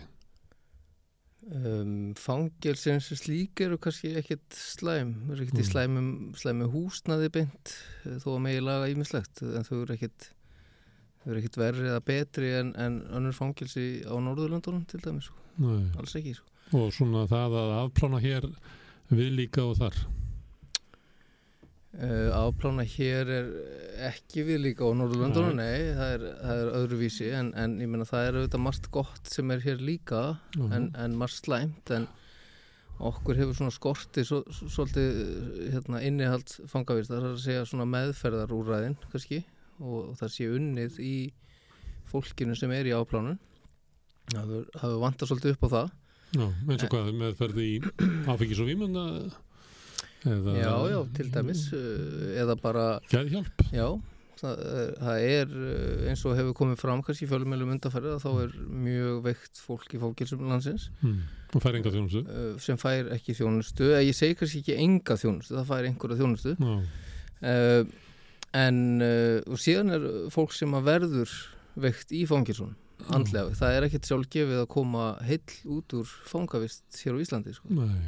höfum oft sagt að, að fangilsi séu geimsla og flott geimsla Hmm. en það er sannlega þannig hér Hmm. um, ég held að, já, ég held að, að, að En það oft sagt eða ekki ef að þú ert lengur en eh, ári í, í fangilsi þá minga líkunar að þú ratir aftur inn í samfélagið.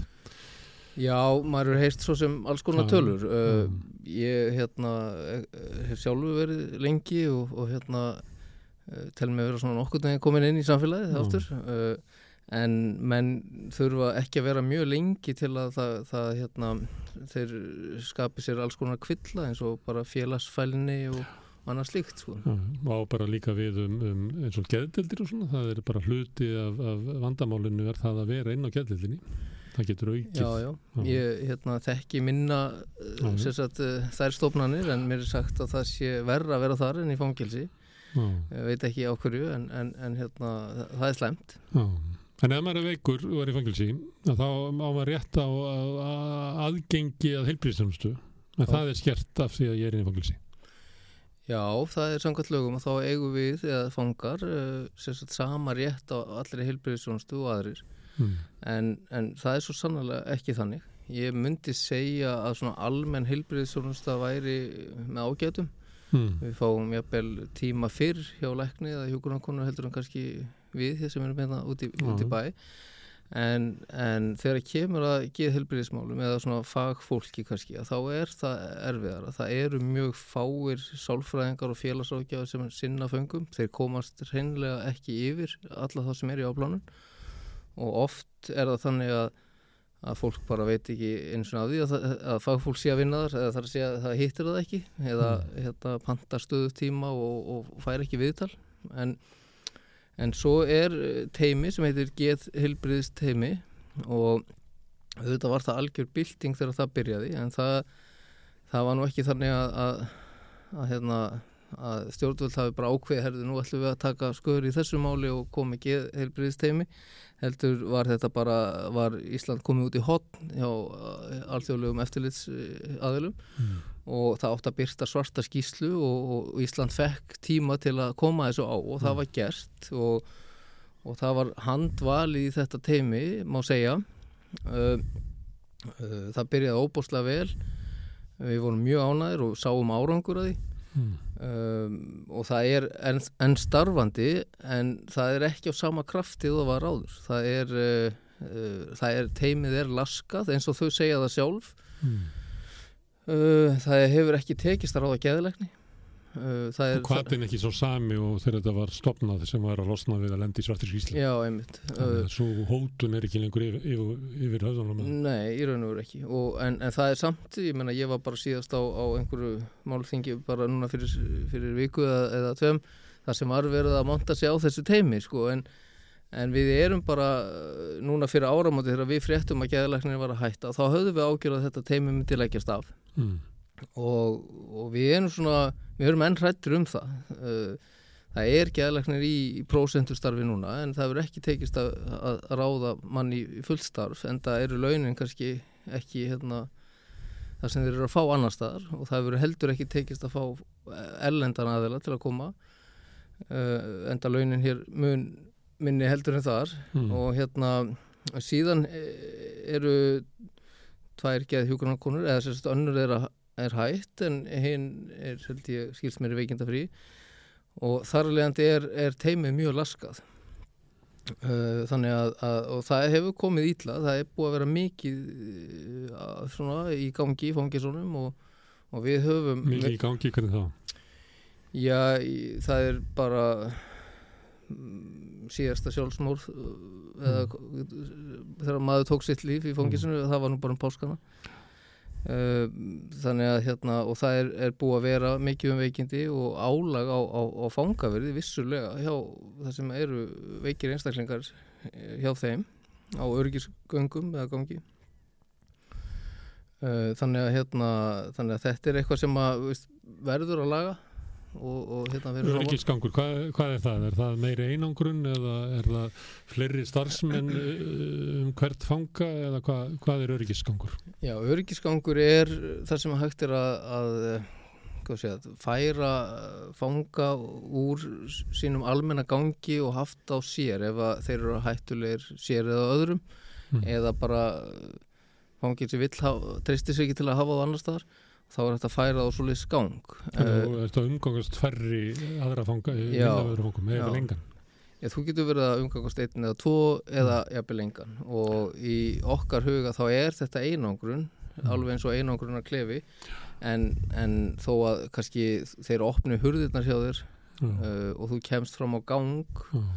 Ég þá hefur engan að tala við. Það fyrir út í eitthvað skot í gardi og, Já, og hérna þannig að í okkar huga er þetta einangrun og, og, og þangað eru settir menn sem að þú ert að segja þessu veikir. Já, oft og tíðum þá er það þannig að, að þeir sem eru veikastir í kerfinu, þeir eiga oft erfitt með að kannski að falla inn eða haga sér uh, að þeir hafa kannski ekki fengið þá meðferð eða líf, rétt líf og annað slíkt og þá er oft engin önnur leið en að setja þá sérstaklega samkvæmt fangils yfirvöldum að setja þá örgisgang Mm. um, við erum ekki alveg sammála þeirri nálgun en ég menna auðvitað, auðvitað kemur, kom alveg upp tilfelli þar sem að samfangar eru smekir og eru hrættir og, og hafa lendjapil í einhvers konar átökum eða öðru slíku Mhm. og þá þarf að gera eitthvað en það þarf á, á bara alltaf að vera tímabundið um, við sjáum að einangrun eða vistun á örgisgangi er að hafa veruleg áhrif á andlega heilsufanga um, þeim hrakar mjög hratt eftir þeir eru komnir ángað Mm. Uh, það er mikil, mikil myrkur hjá þeim og yfir þeim í raun og veru meðan þeir eru á, á þessum stað. Hvað minn eru með myrkur Já, ég menna menn vilja hafa menn eru oft vakandi bara á nóttunni og sofandi á daginn og, og hérna uh, menn eru kannski ekki mikið að draga frá gardínur eða, eða hérna uh, og svo náttúrulega bara myrkur yfir þeim bara andlega. Mm. og, og þetta er sem þannig að skapast að luta til vegna lítilla samskipta við annað fólk. algjörlega uh, og, og hérna og við höfum séð sko að, að hérna menn eru oft uh, ekki vissir veist, út af hverju þeir eru þetta út af hverju þeir eru í fangils yfir höfuð hvenar þeir eiga að losna, hvenar þeir fá að fara heim uh, Mm. og það skapar enn Á hverju? Á hverju ekki vissu? Það geta verið margar ástæður. Það geta verið ástæður uh, að, að fólk er það kannski þroska skert að Mm. það bara, það man ekki og veit ekki.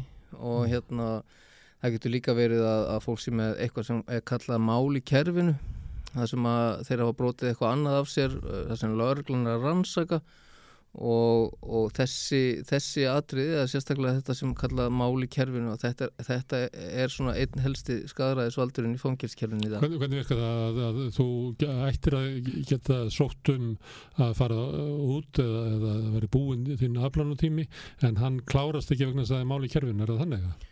Já, það er sérst, ef þú ert með málkennuna þá færðu ekki framgang í fangavistinu þú færðu ekki að fara jafnvel í opið fangilsi eða áfangaheimili eða öklaband þú færðu alltaf stundum ekki í dagslifi. Uh, þú, þú færðu ekki reynslulust jafnvel.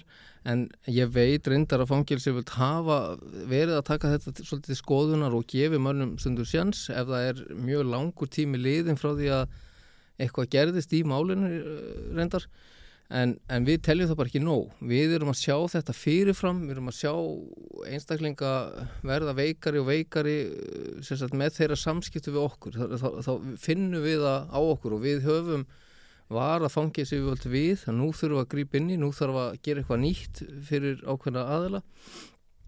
Uh, vegna þess að ástand er að vera verra og verra og eh, við sjáum það bara þegar þeir byrja að ringja fyrst í okkur mánaðarlega og svo hálsmánaðarlega og vikulega og svo daglega og svo oft á dag veist, og þá er ástandi að verða verra og verra. Uh, en því, það er ekki alltaf brúðist við eða okkur finnst það.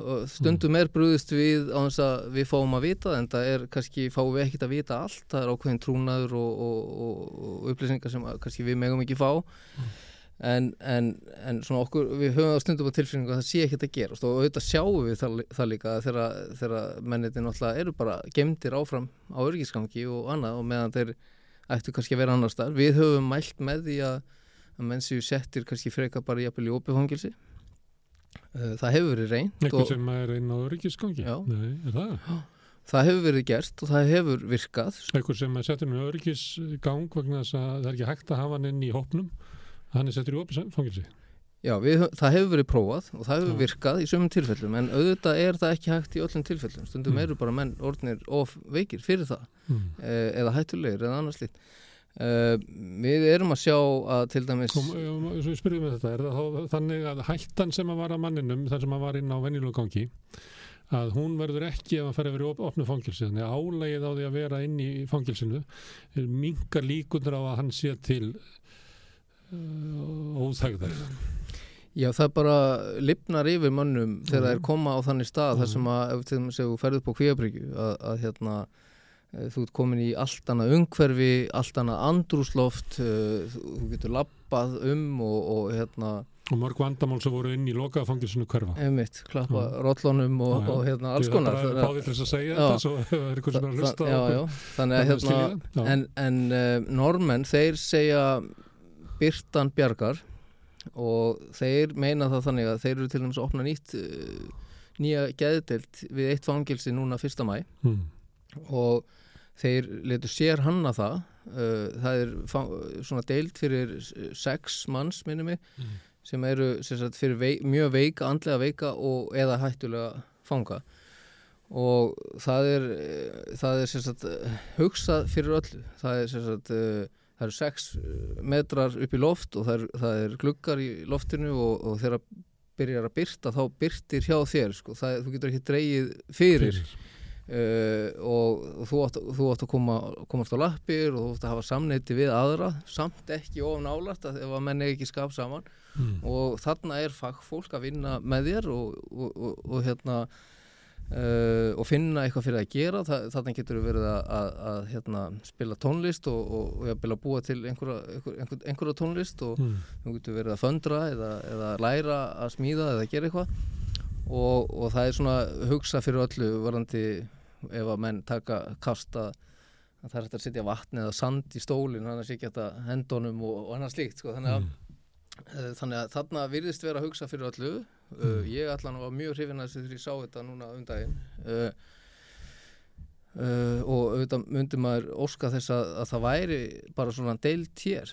Við, ég, við erum að sjá að, að geði deildir hér hvort sem það er bráðamóttaka eða réttagerðin er, er ekki að taka móti í, þegar þeir eru þegar þeir eru sagt, bæði þurfi langtíma meðferð eða þegar þeir eru í akkurat í einhvers konar geðurofi eða, eða manníu eða hvernig, mm. hvað sem þessir hlutir heita að þeir bara neita að taka við þeim. Og eins og þau myndu taka við ef ég var í manni hérna út í bæ þá fær ég inn á gældildina en ef þú ert í manni inn á fangilsi þá færði ekki þjónustu. Já, það er ekkert sjálfgefið að þú fáir það líka að fara hér inn sko, sérstaklega ef þú verður ferði í, í, í geðurof eftir klukka 7 á kvöldin að, að þá þarfst þú bara að býða það er nú bara þannig, hér, líka. Mm. og hérna, en, en þetta er sérstaklega við, við fanga að, að, að geðdeildinu hafa neitað ítrekað að taka móti fengum og þrátt fyrir að menn séu með sjálfsvíks uh, í sjálfsvíks hugleðingum eða annað uh, og, og, og það er kannski ringt í þá eða þeir eru jafnvel fangaverðinni laðir á stað með og þeim snúið við. Þetta hefur gerst margóft uh, ítrekka neitað og, og við hérna og við skal séu vitum á samskiptum á milli geðlækna á, á, á hérna milli fangils og geðdildar þar sem að geðlækna segir bara já ef við komum við að hinga þá hendur við honum bara út Mm. út á götu sko. Mm. þannig að hérna ég tel að þetta sé eh, mjög alvarlegt og, og hérna og, og ég, þegar ég sagt við höfum verið að skoða þetta núna ef við fréttum að öðru svona atviki á næstunni þá hefði ég vilja persónulega eða að afstæða myndi kæra bara reynilega fyrir, ég veit ekki hvað, mórtilrun eða, eða hvað, þann geðlækni sem tekur slíka ákvörðun, mér finnst þetta bara það alvarlegt sko. Mm. þannig að hérna uh, þannig að ég veit ekki uh, hérna, já. En ef einhver myndi segja svona, já, eh, má vel vera að sé til hann þessi sexmanna dild í Nóri en þeir nú ólíuna og svona Já, og eiga efna á þessu, við hefum ekkert efna á þessu og, og þið hefðu nú kannski átt að hugsa þetta áður en þeir fremdu afbrótinn og já, já, hvað, hverju svarar svona, já, já svona ég meina að þú lítur að verða varfið það æði ofta að vilja bara íta málunum ykkar ykkur starf út og hot já, já, eh, við höfum Hverju bú, svararðu því? búið við það sem sagt uh, alla tíð að, að við höfum verið svona afgangsstærð Já. og við, við sjáum það vel að, það, að, að hérna, þegar við erum að fundum að þetta hljómar allt mjög vel og svo gerist lítið mm. um, en, og við erum náttúrulega með félag sem að erum að missa skjólstæðinga uh, vikulega eða hálsmánaðarlega uh, og hérna vikulega hálfmannarlega já ég meina bara af ofneislu eða, eða sjálfsvígum og, og ég fór í síðustu jarðaförinu á förstu daginn síðast Mm. þannig, að, þannig að þetta, þetta tekur alveg á mm. en, en eins og hefur komið fram að þá erum við með þannig réttakerfi að hér koma allir út aftur og Mm. þeir einstakleika sem eru veikastir í dag eru að koma út í samfélagi aftur eftir nokkra mánuði. Og það hefur ekkert verið eða mjög lítið verið uh, kannski unnið í þeirra málum og þeirra verið svolítið gemdir bara í gemslu uh, það er ekki búið að undibúa losun þeirra út í samfélagið. Mm. uh, hvað á að taka við, það hefur ekki verið gert þó að ég veiti að það sé verið að aðeins byrja að vinna í því í dag þannig að sko okkar náttúrulega markmið er að, að hérna að það sé unnið í þeim, og það, þeir séu tr- tryggðir með uh, úrræði þegar þeir koma út. Þannig að uh, þannig að sko þeir fremja ekki slík brot aftur. Þetta hefur ekkert með það að gera að upphefja einstaklingana eða, eða hérna, sé einhver vorkun eða eitthvað slíkt sko við, við vinnum bara einu markmiði og það er bara sama markmið og fangismálstofnun og fangaverður og geðhilstrimi og allir þessir aðlar hafa að það er að fækka glæpum og brota þólendum ef við vinnum ekki í þessu fólki að þá fjölgar þessum brotaþólendum og það er bara það sem hefur verið að gerast í samfélaginu vegna þess afskipta leysi við þennan málaflokk Þannig að þetta er eina raunverulegu glæpaforvarnir er að hafa betri aðstöð í fangelsunum. Ég held að dómsmálar hafi notað glæpaforvarnir verð. Það var ekki talað þetta sko. Já, Það- sko það- afbrótavarnir. en sko, já, já Þú við að það, að, já, já. því betur sem, sem fangelsin eru, því færri afbrót verða framinn. Já, uh, við erum, að, við erum að segja að ef það er ekki uh, sagt, uh, unni með fólki í fangisónum þá, þá, þá munir fremjum glæpi aftur. Já, og það má segja það vera líka öfugt, að Já, því betur sem gerir með fangelsin, að því uh, minni líkur er að glæpi verður framtir. Já, já, við, við getum alveg sagt að sumir að glæpi séu framtíð í búið stjórnvalda, ég meina við höfum séð það og það hefði verið hægt að bjarga þessu fólki og, Mm. og hérna það hefði verið hægt að koma í veg fyrir að þessi aðeinar hefði fram með aftur brot. Og þröskuldurinn fyrir að við fallumst ekki á þessi rauk og höfum góð fangilsi er svo að, að stjórnvöld og við sem samfélag eigum erfileikum með að gera vel við þennan hóp af því að við teljum hann ekki það skilið. Uh, það hefur verið hingað til, já, Já. en ég held þetta snúist nú kannski eitthvað um peninga líka. Um, við erum með dýrasta fangilskerfi í heimi, það er engin spurning. Akkur, Já, ég meina við, allt sem er hjá okkur eh, beinist að öryggi og ég meina það kostar margvall meira að byggja öryggisfangilsi. Ég meina glerið í öryggisfangilsi kostar miklu meira heldur en glerið í opifangilsi. Eða, mm. uh, þannig að, Með, með hlutastlega meira af, uh, klefum í öryggisfangilsum heldur en aðra þjóður. Eru þær með meira Eh, af, af, af hérna, já, við erum með það... meira rými í, í opnum fangilsum? Já, já, algjörlega. Auðvitað er þetta misjant eftir löndum, ég meina Svíþjóð eru með held ég einhver fjögur eða fimm stig fangilsa Mm. en þau eru öll eh, meira að minna misopin þó þessi bara eitt svona öryggisfangilsi en svo eru hinn misopin. En, en, en allir í dag sem eru að byggja ný fangilsi eru að byggja opin úrræði uh, og horfa til þess vegna þess að, að það er vitað að, og samkvæmt rannsóknum að að menn koma, eru óleglegri til að koma aftur í fangilsi eftir að hafa verið í opnum fangilsum, heldur en að vera í lókuðum og þannig að, að það hlýtur að vera eitthvað sem við eigum að vera að hugsa líka og, og samkvæmt því sem dósmannráður segir í dag að þá er hann uh, búin að fá fjármagn í það að, að stækka uh, sogn um einhverju plás uh, Og hafa þær opið fangilsi? Já, það er opið fangins þeirri dag, Mhm. hann ætla bara að stækka enn en frekar og, og við erum, uh, og hann er að vinni því að, að stækka kvíabryggju líka. Það er verið að setja 2 miljardar í að breyta litlarhraunni. Ég hef, sko, það er mjög flott það sem er verið að gera og virkilega þarft og allt það, en ég var sjálfur persónulega móti því að, að þessir 2 miljardar eru notar í, í þessa breytingu. Mm. Uh, mér fannst mikilvægt að, að, að við náum utanum vandan og, og veikindin sem eru á litlarhönni það eru uh, og, og ég hefði viljað gera þannig að, að, að nota bara helmingin af peningunum og, og, og fækka þeim sem eru á litlarhönni og breyta, gera breytinguna þá í, í, í tengslum við það við, við að það séu helmingi færri og gera aðstöðuna betri fyrir helbriðistarsfólk og fangaverði og fangan sem eru þar en þá væri þar bara 35 manns. Uh, þá myndi ná, nást betur utanum vandan uh, á litlarinn sem hefur verið og, og menningi sem hefur verið þar inni er, er ekki góð Mm. uh, en síðan hefur við haft að nota hinn miljardin í að stækka einmitt opnumfangilsin sem við höfum náð mörgursunum fleiri plássum fyrir þann pening sko. það, það er, þetta er gífurlegu peningur Mm. en, en þessi leið var valin og það er byrjað að vinna í þessu verður ekki breytt Já. Og það er annar vandi er það að er langur byggðlist að komast inn en ekki? Fólk þarf að býða eftir aflónum? uh, fólk er að býða vissulega eftir áplánun og, og getur byggð lengi um, en, en það, það er að mínu mati er, er alltaf að finna lausnir Mm. en það hefur bara einhvern veginn ekki verið. Þetta er eh, hérna um, ég veit ekki hvað að segja. Uh, ég held að þurfa að setja svolítið kraft í fangilsmálin, við þurfum að fá dónsmálaráðuniti, heilbriðsráðuniti félagsmálaráðuniti og, og fjármálaráðuniti saman uh, til að vinna í þessu málflokki, við þurfum að gera þessa grunnbreytingu sem að ég þreytist ekkit á að tala um við þurfum að gera grunnbreytingu á fangilskjörunum við þurfum að færa okkur úr refsistefnun yfir í endurhæfingarstefnu til að, að hérna, bæði að fá betra fólk út í samfélagið, fækka glæpum og brútaþónundum og minga kostnæðin í leiðinni. Mm. Þannig að- nýja hugsun í þetta.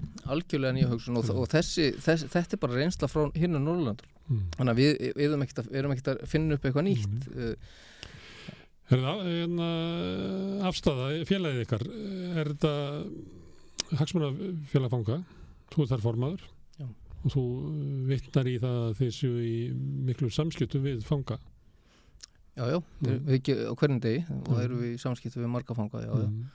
Og, og, Og hvernig og gengur að reka þetta félag? Eru þið með starfsmenn og það hefur ekki, það hefur, við erum bara með sjálfbóðlega og Mm. ekki neina launaða starfsmenn, nei.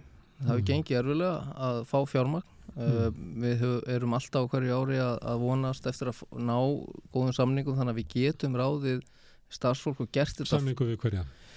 Já, það er náttúrulega bara félagsmála ráðunetið mm. við, við virkilega heldum að, í ár fengjum við þannig fjármagnar við gætum ráðið tól stafsmenn mm. til að gera þetta á faglegan hátt og, og, og, og gert þetta starra og betra og vera að vinna í þessu bara En, en í staðin uh, fáum við eitthvað ekstra fér sem, sem að dögar til að borga veist, grunn svona veist, húsalegu og annað slíkt mm. sko en, en, en það er þetta er, þetta En er mikilvægt að fangar hafi svona sterkar rödd inn í uh, umræðunni, inn í ráðunitunum er það mikilvægt að fangar hafi Já, ég meina ég tel að allir hópar þurfi að hafa mm. einhvern málsvara mm. uh, meina Eh, það er ekkert mörg ár síðan að, að það mátt ekki dræða þennan málaflokk og eftir að afstæða byrjaði að skrifa greinar og, og tjá sig um hvað er virkilega gerast í fangilsunum og þá hefur þessi málaflokkur algjörlega opnast og, og, og bara til dæmis breytingin á fangilsmálastofnun þar sem mm. þeir eru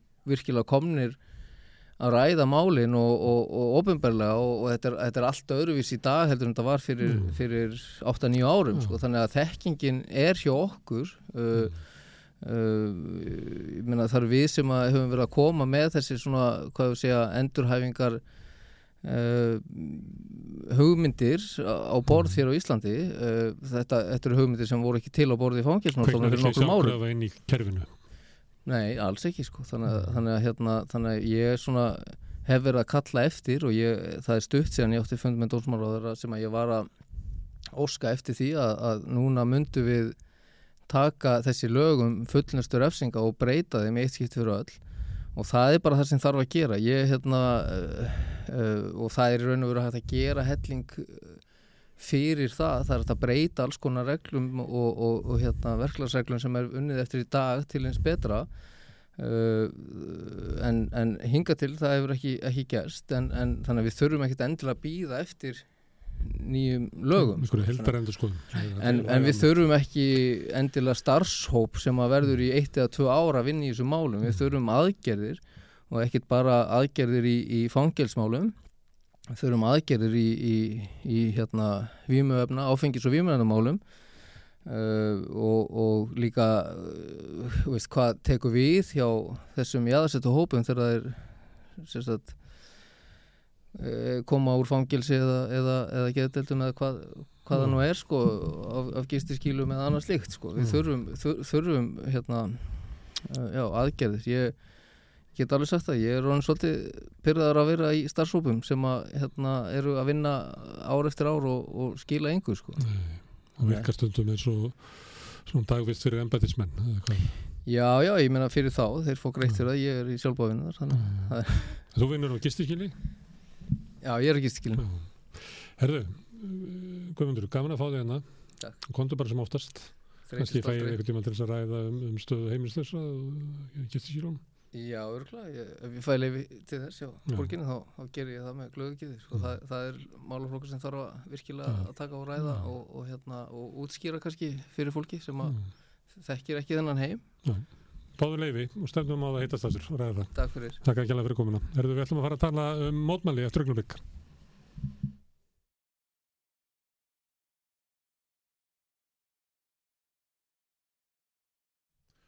Herðu, já, við hefum verið að ræða mótmæli í þessari viku. Það byrjaði á mánundagin þegar Ragnar Þór Ingólfsson kom hérna og var að útskýra hvers vegna hann taldi vera mikilvægt að efna til mótmæla í dag og svona með hvaða hætti hann hugði skera það. Hann var nú svona gaf ekki alveg út uh, hvað hann ætlaði að gera. En okkur grunar að hann sé að stefna því að hafa mótmæli þegar að leiðtu að fundur Evrópurásins verður hérna. Það eftir alltaf komið ljós. Í gær kallaði ynga fólk sem að uh, var duglegt að mótmæla í rauninu og við rættum um mótmæli svona almennt og yfirleitt og hvernig ástandi var í samfélaginu í dag. Og við ætlum að halda áfram að tala um mótmæli og nú er ég komið með, hvað er að segja, svona yngri deild. Yngri, yngri deildin. Yngri, yngri deildin er komin yngað hérna mótið mér er Karl Hjeðin Kristjánsson og Guðni Öfjörð og Eli Hörpu og Önundarbur verið öll velkomin. Takk.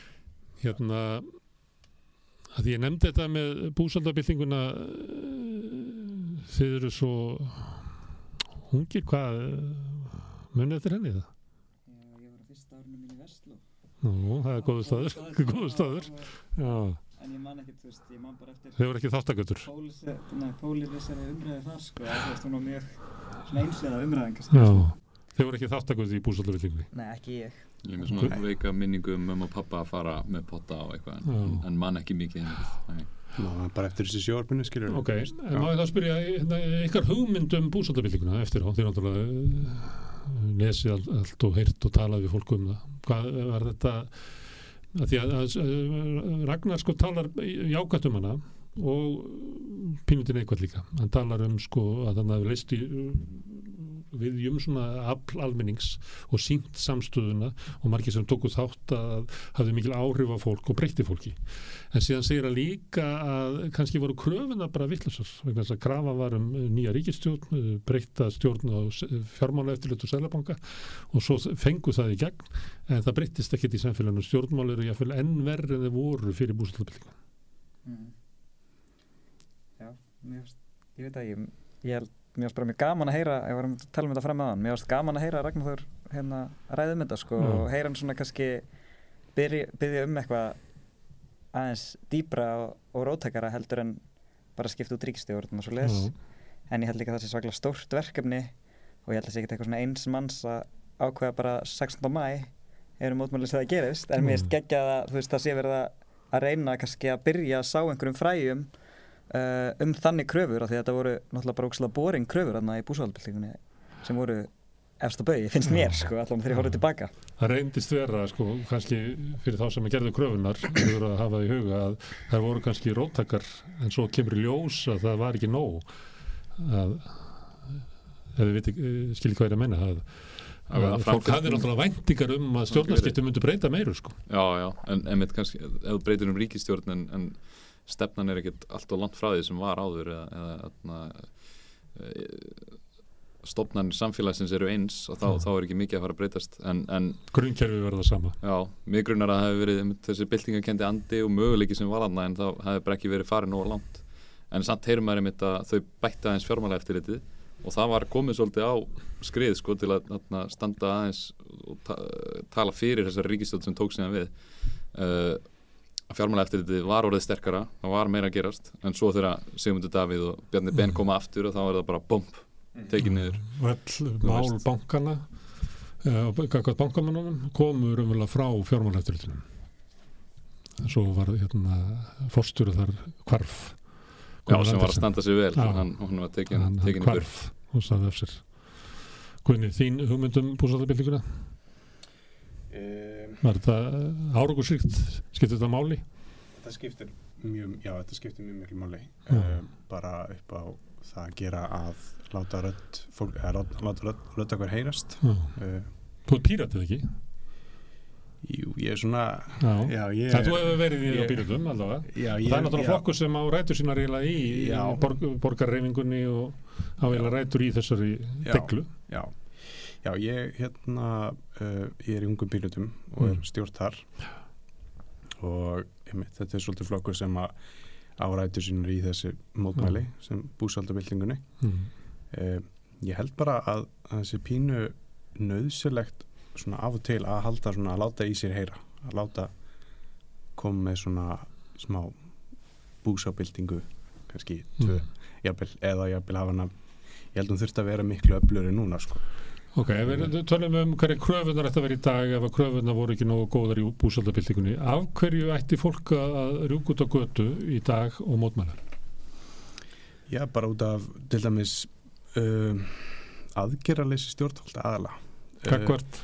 Gagvart leigjendum Mm. Gagvart uh, hérna í heilbyrðiskerfið uh, um, innflytundum um, og, og, og kannski og líka, og Já. líka náttúrulega, þú veist, það er náttúrulega eins og mæntalega búið að tala mikið um ofurhagnað það, það er ekki verið að sækja peningana það sem á að sækja á Já, ég, ég veit við getum gert miklu betur á sama tíma Já. eins og Ragnar leggur það fram á sama tíma og uh, launafólk er að upplifa mikla kaupmáttaskerðingu að þá er ógnargróði í já, bönkunum já, og stóru fyrirtökum. Já. tek undir allt þetta og líka bara einmitt að þessi flokkar sem að fólk var að kjósa á myndu ríkistjóð, þeir eru ekki að gera það sem að þeir söðust alltaf að gera. Og það, bara það er nóg tileinni til þess að fara og, og láta í sér heyra. Mm að, að því að ef það bara færa viðgangast að, að stjórnmálamenn segja eitt og gera eitthvað allt annað að þá, þá enda það ekki vel. Náttúrulega stjórnmálamenn halda því áfram að hafa komist upp með það oflengi En hvað þeir sem stóð ekki við? Hattu við Vafki eða? Ég, kannski sérstaklega Já. en framsótt líka náttúrulega, þau, þau, þau tala um að passa þau sem að atna, hafa það verst og svona byggja upp, atna, vera með raunháar húsnæðisáallanir sem geta gert eitthvað, við ætlum að rétta af heilbriðiskerfið og þau ljúa náttúrulega bara um það að þau séu að, rétta af heilbriðiskerfið þegar þeir eru að tala um einhverjar innspýtingar af, af pening, pening inn í kerfin en það heldur ekki við verðbólgu, það heldur ekki við atna, aukningu á eftirspurn þannig að bara það að, þau, að þessi tvískinningur hjá þeim að þau eru að fá atkvæði út á eitthvað og svo standa þau bara alls ekkert við það. Þó þau séu að ljú, ljúa um að þau að séu að gera það. Mm. þannig að það er nóg tilhættin finnst mér að bara rísu upp og fara og láta þau finna eins fyrir því. Stjórnvöld sé að missa lögumæti sitt stundu sagt að þeir eru hérna, lofa ykkur og, og, og þau ganga fram af almenningi með því að hvernig þeir fara með vald sitt. Já, Akkurat, og, og eins og Ragnar er að segja þetta er bara að fara að verða, verða verra. Að þarna, heimilin munu virkilega að byrja að finna fyrir ástandinu að, að, að, já, já. bara rétt að byrja Mm. þannig að það væri betra að snúa við núna og byrja byltingu núna eitthvað sko nærvar fáið nýja ríkistjóð sem fyrir að gera eitthvað að vitið, það er allan að sem ég myndi vilja sjá Uh, eða þá að við náum einhvern veginn með mótmæla aðgerum að þrýsta á aðgerir sem að geta hjálpað fólki í alvörunni mm. og það er það sem við getum gert og eigum að gera Eli, hvað séu þau? Sko, ég þegar þú sagðir af hverju þetta fólk í umhverfismálin Mm. minnst þau bara eitthvað að vera svona veist, fyrir utan allt hitt það verður náttúrulega veist, svona samfærandi umhverfis uh, reyfing sem er vissulega til staðar í heiminum í dag bara gífulega stór og öflug vinstri reyfing sem er að hérna, uh, reyna að spórna við hlínun jarðar og hamfara hlínun og loftlagsbreytingum mér finnst svona kannski það vera einhvern veginn það sem ætti helst að koma fólki út það er bara Já. allt að fara til, veist, við höfum ekki einu sinni, ef við komum ekki í veg fyrir þetta Mm. munum ekki einu sinni hafa tíma til að hérna, uh, byrja einhverja sósílískar þú veist, útopíu samfélög að hvað sem við viljum gera, anarkiska Við getum ekki bætt uh, sko. stöðu leigjenda fyrir við erum búin að lesa þetta uh, Jú, ég myndi segja Já. það, en það þarf að fara að samfara Já. og það má ekki, þú veist, mér finnst það er ekki hægt að tala um að bæta stöðlegenda bæta dalala, nema við séum alltaf líka að tala um umhverfismálin og þetta fer alveg saman skilur mm. og við þurfum að finna lausnir sem að um, já, þurfum að finna lausnir, þurfum að finna leiðir eða eitthvað sem eru uh, hvað segir maður, sem fara ekki gegn því sem að umhverfið þarf núna að mannkinni þarf til að umhverfið séðum ekki bannvænt. mm. Þannig að það vera bara mjög mikilvægt og vanta kannski smá líka í hérna, umræðina uh, hjá Ragnari sem ég heyrði, ég náði bara rétt að hlusta á Já. viðtalið sko. um, en ég heyrði að þau koma aðeins inn á það í gær Já, búsátt og Þannig það var- byltingafólki nefndu þetta, Já. nefndu alls konar mál sem að Ragnar nefndi ekki, þannig að Ragnar var eiginlega á línu, hann er vísað í Nuff is Enough í, Breitlandi mm þar sem að kröfunar eru mjög einfaldar ég mannar, það eru fimm það var hérna hækkun lámarsluna lækkun ramagsregningsins sem er náttúrulega Mhm. stoppa matarfátækt húsnæði fyrir alla og skattleggiðin ríku Já, þetta er hljóm- bara, þetta er bara þetta getur verið kröfu frá 1950 Já, mér varst hann líka hljóma bara eins og hann væri að tala beint inn í svona mjög andkapitaliska hreyfingu hmm. sem er líka náttúrulega stór og væri gaman að komast í meira að, eitthvað meginn rótæk barðu hérna Íslandi uh, kæmist í meira samband við um, svona þessa alþjóðlu hreyfingu sem er hann Mm. úti sem, og þar er alveg flottir höfundar og hugsuðir sem eru búin að gera alls konar vinnu sem ég veist við geta verið svona meira samtali við þess vegna fannst mér sérstaklega gaman að heyra Ragnar Þór tala svona auðvitað hefur Solveig Anna líka verið að tala svona Hmm. um, bara mjög opinskátt svona andkapitalist sem er svakalega mikilvægt Þau eru meira að gera svona kröfur svipað og í Naffisinöf sem er bara um hérna, sómasamlega framfærslu Já. bara að ég geti lifa út mánuðin það er svona námaskrafa mm -hmm. þau eru ekki að setja sko stjórnarskrána umhverfismál og Mhm. ekki að hengja svona annað á þetta þau Mhm. eru frekar að tala svona bara í svona þetta getur verið kröfu frá 1950 getur verið kröfu frá 1930 Mhm. getur verið kröfu frá 1910 þetta er bara einar klassísku kröfur um, láttekjufólks Mhm. mm sem að lifir í óvissu í húsnæðismálum En mér varst til dæmis líka eins og í upptalningunni hjá Ragnari með að hérna, þegar eru að koma þeir voru að telja til hérna miljardana sem er verið að kaupa í Mm. jakkafutt á lögurnar og da da da da da á ársatíð mér varst til dæmis vanta að ræða um, fjölda grafirnar sem að landamæri Evrópu eru. Mér finnst það líka að vera full ástæða til að fara út á götur og mótmæla. Mm. um, þannig að þú veist mér finnst vera fullt ástæðum og mér finnst ekkert þurfa að aðgreina þér svona. Mér finnst það alveg geta að talað um allt. Auðvitað er gott að vita kannski hvað er hægt að beina beint að hverjum hvaða kröfur er að beinast hvert. En ástæðan fyrir því að mér finnst mikilvægt að tala um uh, umhverfis sjónarhóttni að tala um rasismann, útlendingaanduðuna og, og þessar ótrúlega ómannulegu landamærastefnur er af því við þurfum hreyfingu sem að byggja á öllum þessum gildum mm. skilur við og þess vegna ef við gleymum bara að tala um þetta eða finnst það ekki nóg mikilvægt núna þegar við þurfum fyrst að tala um efnaðasmálina hvernig fólk ætlar að lifa af ég veit það ekki, mér finnst það ekki þú veist heilunda því hvenar ætlum við þá að gera tíma fyrir það sem Mm. skiptir líka mjög miklu máli og kannski Mm. grundvöldurinn í lífinu Hverfið er undirstaðan á öllu náttúrulega og, og mannúðin á, þarf að vera hana og ef okkur er ef, ef okkur er sama um allt þetta flóta fólk þú veist, það, það, er, svona, það veitir ekki gott fyrir okkur sem samfélag Mm. Þannig, að- en en ég þau eru, líka þau eru kannski einbytta kröfum sem eru svona raunhæfar kannski, ég veit ekki eitthvað sem að því að ég segi Raun að vera eða það sem maður getur fengið sem flesta til þess að saminast um. Það eru nokkra grunnkröfu sem við erum öll sammálum. Mhm. Síðan kannski leggur þú meiri áherslu á þetta mál og þú á þetta mál og þú á þetta mál. En hvaða mál eru það sem að við öll, hvað svo sem þetta við er? já, er, hver eru öll Já, og ég hver eru það. við Hver við? það, Ha, það þarf líka ég held að mér fannst þess að Ragnar vera að leita þessu sko hvaða er sem að hérna er, er hérna svona andrið og svo getur verið alls konar svona tjöld eða salir þar sem er hægt að heia það er ekki höfnun á baráttunni um opin landamæri þó svo við förum að berjast fyrir því örugum úsnæðismarkaði Nei, ég er sammála því, en mér Mm. samt við geta, geta talað um þetta um, á sama Já. tíma. Ég er alveg bara mjög samfært um það að það sé hægt að, hérna, en þú kemur kannski með svona lista sem að þú vilt mótmenna svo kemur einhver annar bara með svona lista já, og getið Brennir staðið saman alveg ef, ef, ef, ef það er einhver samsvörun á milli þá getið þið staðið saman og Já, oft sagt um Akkurat. að þessi kynnslóð að skipti til dæmis í afstöðinu til umhverfismála. Já. Það er bara það. gengið út frá því í allri ég ætla umræðu. að segja svo mér, þú sé- að telja að þetta getur verið kröfur 1910, 1930, 1950, Já. en nú er, skilur fólk orðið tvítugt sem er fætt 2001, Já, 2002, 2003, já. Mhm. en fátækt er samt líka raunveruleg fyrir þær kynnslóður, ég er ekki að segja það. Og, Stundum finnst manni það að fólk á ykkar aldri skinni betur sko stjættaskiptingun í samfélaginu heldur fólk á mínum aldri. já, getur verið. getið þið, já, Ég en ég veit ekki ég, að oft sagt að er. er Í lífsleitni var nú mér sagt í áttundabekka það er engin stjættaskipting á Íslandi Ég held að húsnæðismarkaðurinn uh, afhjúpiða stjættaskiptinguna Já, mjög grimt fyrir fólk á ykkar aldri Klálega sko sem að kannski fólk á mínum aldri er blindara fyrir. Mhm. Mm. En ok, hérna um, hann eh, er, er að hugsa þetta og búa til einhver svona samstæðu Uh, þú nefndir svona uh, kröfur svona einskalls ég spurði líka fólkið í, í búsaldabildingun er það, af því að í búsaldabildingun þá bara rauk fólk út á götu Mhm. og kom sér svona einhvern veginn saman um það. Kannski verða bara Hörður Torfarsson sem nefndi kröfunar og fólk kom Já, aftur. var það ekki eitthvað svona, Það var og voru ekki sumir líka bara ósamálega sem voru samt að mótmála Já, maður getur verið með svona lista af hlutum sem vil mótmála eða Já, svona. Ég já. get samt alveg mætt, ég gerir bara sem ég vil á mótmálum já, þú veist, mér finnst ekki mótmálegt að vera stjórnuð eða Nei. mætur á mótmála og því að þú samþykir allar kröfunar sem eru þarna verð þannig á akkurat. þínum fórsendum já. sem einstaklingur En er munur á því að, að, að sko, Ragnar sem hefur mikið persónufylgi og nýtur vinsælda í íslensku samfélagi og tröss hérna, barátu fólks uh, skiptir að máli að hann uh, er það öðruvísi ef einn bóðar þetta ég held það, það kemur meiri meðbyr svona bara frá byrjun ef það er einhver eins og hann sem er að, er að gefa út kallið. Já, já, hann nýti aflsitt í þetta. Mhm, Ok, annað er að mótmæla á meðan að þessi fundur er sem að ég er ekki alveg viss um að hann ætli. Ég bara las það út úr því sem hann sagði. Mér fannst eins og hann var að tala í kringu það að mótmæla að, að vera að mótmæla þegar augu alheimsins voru á íslensku stjórnar elituna hvað veistu okkur um það?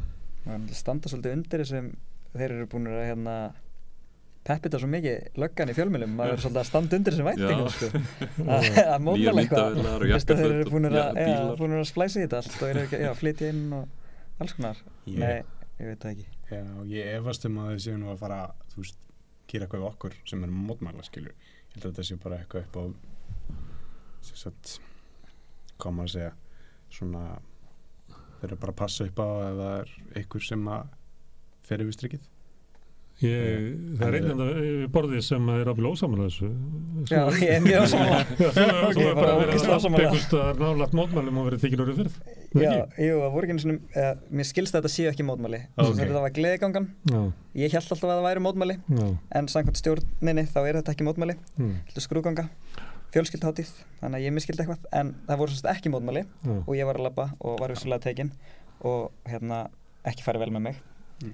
Uh, og svo hefur líka bara ekki þurft mikið til á mótmælum, þú veist, það hefur hérna, við um setið á Östuvelli og neitað að fara, hafa nót til að fá kilfur og piparóða og handtökur um, og svo náttúrulega hefur fólk kannski ætlað að kíkja hann inn á pallana á alþengi talandi um búsvaldabildinguna já, og það var nú helgarina mál, nýmenningamálið sem heldur Já. betur átt að terrorisera fólki í því. Um, við, setið, við setjum mikið, við sátum líka á gólfinu dómsmálaráðanitinu og það var líka nót til að vera tekið á manni dag eftir dag eftir dag. Og uh, ég veit að hérna, umhverfisreifing, Extinction Rebellion þau voru að gefa ókipis föt fyrir framann opnun H&M veist, ekki inni í búðinni, bara út á gangstitt á Lækitorgi og, og þá kom löggan líka og hótaði að hérna, fara að íta við þeim eða þau drulluðu sér ekki í burtu.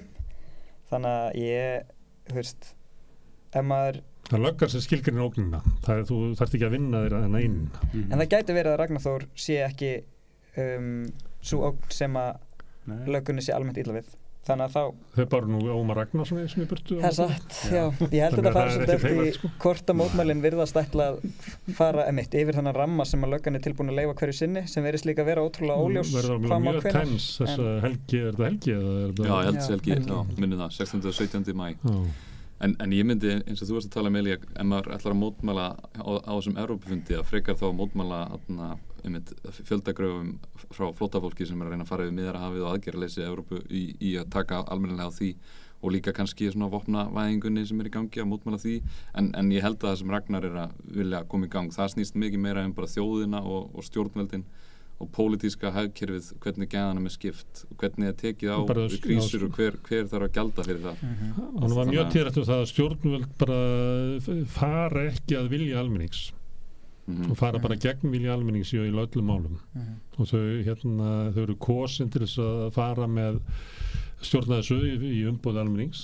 En þegar á reynir þá eru þau bara að sinna einhverju allt öðru. Og það er- verður ekki eins og ég skil hann uh, útskýra þetta að, stjórnvöld munu ekki stýra í takt við vilja almennings nema að almenningu sé að götu og láta í sig þetta að, að stjórnvöld þurfa einhvern veginn óttast almenning til þess að annars sinnaðu bara valdastjettinni og auðstjettinni sko. En svo er þetta náttúrulega líka ákveð svona pub publicity að gera þetta sko þegar að Evrópuræðið er sko veist við komumst kannski veist, já þetta, þetta er svona vekur aðtikli að gera þetta. Meiri stemning meiri um stemning sko, já ég er að segja það. Ég er ekki, ég er ekki að segja þetta sé eitthvað. En er ekki margir sem myndur svona að hugsa að þetta verið ótilhýðilegt við erum gestgjafar hérna og svo kemur ykkur skrýll og mótmælir. Er það ekki alltaf svo leiðis? það er aldrei góð tímasetning til að mótmála eða þú veist, það, maður er alltaf kallaður eitthvað einhverjum nöfnum fríðarspillir Já, ég held það, en það er, er mótmála eiga að vera fríðarspillandi að mínum að já klálega, það Já. er alveg satt. en, og mér finnst líka, ég er samt mér finnst alveg hægt að mótmála öllu þannig hjá sem Európarásfundi, þú veist, mér finnst það vera tilvæðin, ég hugsaði það mér þess að svo bara einhvern veginn er ég með svo litla trú á Íslandingum og mótmálum, ég bara fyrir aldrei að bleðil í mótmáli á Íslandi, bara, þú veist, ég alveg ég bjóð í Fraklandi og fór stundum á mótmáli þar og það er bara eins meiri svona ég veit ekki alveg. Það er bara held ég öðru sér væntingar til þess hvers, til hvers mótmæli eru og hvenar er kallað til þeirra og svona og hvernig vopn mótmæli eru það er náttúrulega oft mótmæl líka mætt með meira ofbeld heldur ég er að það er hérna, ef það kemur kröfu ganga labbandi niður göttuna það getur bara verið sko vígbúin lörgla Mhm, fyrir handan átni sko. Mhm. Já. og svo klassar þetta saman sko. Já, uh, algjörlega. En Mm. það er líka, held ég að því að mótmælendur sko. Það veit ekki hvort koma undan sko. Þau, já, ég- nei, ég, ég minna ríkið augljóslega koma undan. Mér finnst held- alltaf vera að taka sitt sjálfsæða Já. pláss sem þau eigi í borginni Já. en það er eitthvað sem að má ekki. Já, það var bara Samkvæmt- stoppa, þú já. ferði ekki lengra en þetta. Já, og um leið og mótmælendur gera kröfu og það er bara sama og hérna um leið og við sögðum, nei við ætlum að vera hérna á Ístuvelli við viljum hérna þessir, þú veist, flótta fólki vil ná aðtegli alþingismanna sem eru að hunsa þau. Um leið og við segjum, nei við ætlum við eigum rétt á þessu rými og ríkið er ósamálaðir eða laurugluvaldið eða hver sem það er þá kemur ofbildið og Mm. það er bara eins í Fraklandi, þú veist, mótmælendur koma og segja við eigum rétt á þessu rými, við eigum rétt á að taka Mhm. stoppa þessar samgöngur, við eigum rétt á að þú veist, gera allt sem við þurfum að gera til að koma í veg fyrir þessi lög en löggan er bara ósamála og ríki, Mhm. ríkisvald er ósamála Það brot gegn líðræðinu að þú stoppir okkur að ganga þessa gröfugöngu sem við erum hérna að lappa neins að. Mhm. Það er afstæðan, en, en stjó, löggan stoppar það bara samt. og þegar maður ætlar að breytingur svona rótækið þá held ég að, að svona hérna uh, áreikstrar og jável ofbildi sé næstu óumflýjanlegt Hmm. það er bara eitthvað meginn og ég er samt er eins umlegt og er þá bara sýnist mér að eitthvað mun vera þannig ég sé ekki neinstaðar rótækja breytingar gerast án þess að sé ofbildi ég veit ekki hvort þið hefur séð það Hmm. en En Íslendingar sjá fyrir sér oft mótmæli sem er fullur austuvöllur, fjóri ræðumenn og skildi og svo fer fólk heim. Já, Hmm. ég held að þú veist, þú talar um að þetta væri miklu öflur en náttúrulega úti og það er Mm. það. þetta Íslendingar eru ekki þekktir fyrir eitthvað ekstrím sko mótmæli. Ég, getur það verið út að við séum svolítið meðverk svolítið, við látum þetta svolítið bara svona þú veist Þau eru náttúrulega sjúklega meðvirk með spiltur að við eigum bara, þú hugsunahátturinn er bara við eigum að vera stilt og prúð. Við eigum bara að láta þetta hafa við eigum bara, þú leifum bara þú veist, fjárfestum og bröskurum að misnóta fólk að lifa markaði þú veist er allt í lagi skilur, Mm. eða skilur þetta er hugsunahátturinn Já, en samt er það ekki, uh, myndi horfa á frá eftir hrun, að þá hefur almenningur felt, hvað, þrjá ríkistónir, já, við getum þetta sko. Rekið getum, þrjá eða fjóra ráðir, ég man ekki þess að tölma sko. Mhm. getum En maður veldur fyrir sér hvort það séu mótmælin sko, er eitthvað að gerast inn, inni á ríkistjóðnaflokkanu sjálfum að ég, sé ekki alveg fyrir mér að, vinstri græn muni sleppa takinu þó að væri, þú veist 5.000 manns á Östuvelli í hverju viku Svo meta það, kíkja úr gluggan Mm. og meta það, hvað sinni grasrót, hvort þau komist upp með það að halda áfram eða ekki. já, já. Það er uh, þess vegna, og þess vegna sleit uh, samfélkingin ríkistóta samstarfinu við sjálfstæðarflokkinu á sínum tíma. Það var ekki eitthvað svona klók pólitísk afstafa. Né það því mátu einmitt að það sé verið að hlusta á mótmælendur að það sé tekið marka á því sem að fólk er að segja að það sé bröðist bara við veist, það væri þannig að þetta var í besta heimi að fólk fyrir að mótmæla og ríkistöndin er já, heyrðu, þarna, tökum aðeins til greina hvað þau eru að segja og gerum eitthvað út frá því sem þau eru að segja sko. en þetta virðist frekar snúast um einmitt eitthvað hvernig, þau, hvernig staðan þeirra er. Og ég held að einmitt staða vinstri græna er, er þannig að þau þarna, er ekki að fara að segja upp þessu samstarfi eins og er þó það væri mikið var í. Fórustan sé eiginlega grasrótarlaus og þurfi ekki að óttast upprýtt grasrótarinnar eins og samfélkingin gerði 2009. mm, maður sér ekki alveg hvað hva meira getur gerst En þegar austuveldu var fullur af fólki, að þá var ímislegt gert sem að var að kröfu almennings. Það voru hækkaði skattar á innar ríku, svo ég vitna nú í nöffis í nöffkröfunar. Það voru uh, lagfært aðeins tilbaka hérna, skattalegganir nýfjálfsvíkjárana, bara einhver leiti. Það var sett í gang undirbúningur að nýri stjórnarskó. Það var svona ímislegt gert. Og svo hérna þegar austuveldu tæmdist, þá má eiginlega segja kannski frá ég veist bara strax frá haustinu 2009 að við voruð minni áhrif af almenningi á stjórnarstefnuna. Þetta er það. Og mér finnst þess að Ragnar sé að vísa í þetta að það er ekki nema að fólk sé einfallega bara næstu út á götu og sé andandi ofan í hálsmáli á stjórnvöldum að stjórnvöld neyðist til þess að haga stefnu sinu þannig að það sé í takt við vilja almennings og einmitt bara að því sko, þetta er ekkert einhverja ekstrím kröfur sem að fólk er að byggja um eins og leiðuþak þetta er ekkert eitthvað, þú veist ekstrím. Að, þú veist, ef við myndum vera austufelli að byggja um leiðuþak eða mótmæla að fá mótmæla því að fá leiðuþak Já, og hérna, þetta er bara hlutur sem týrkast í öðrum löndum? Já, þetta er bara það sem Tekið dýrkast í öðrum löndum.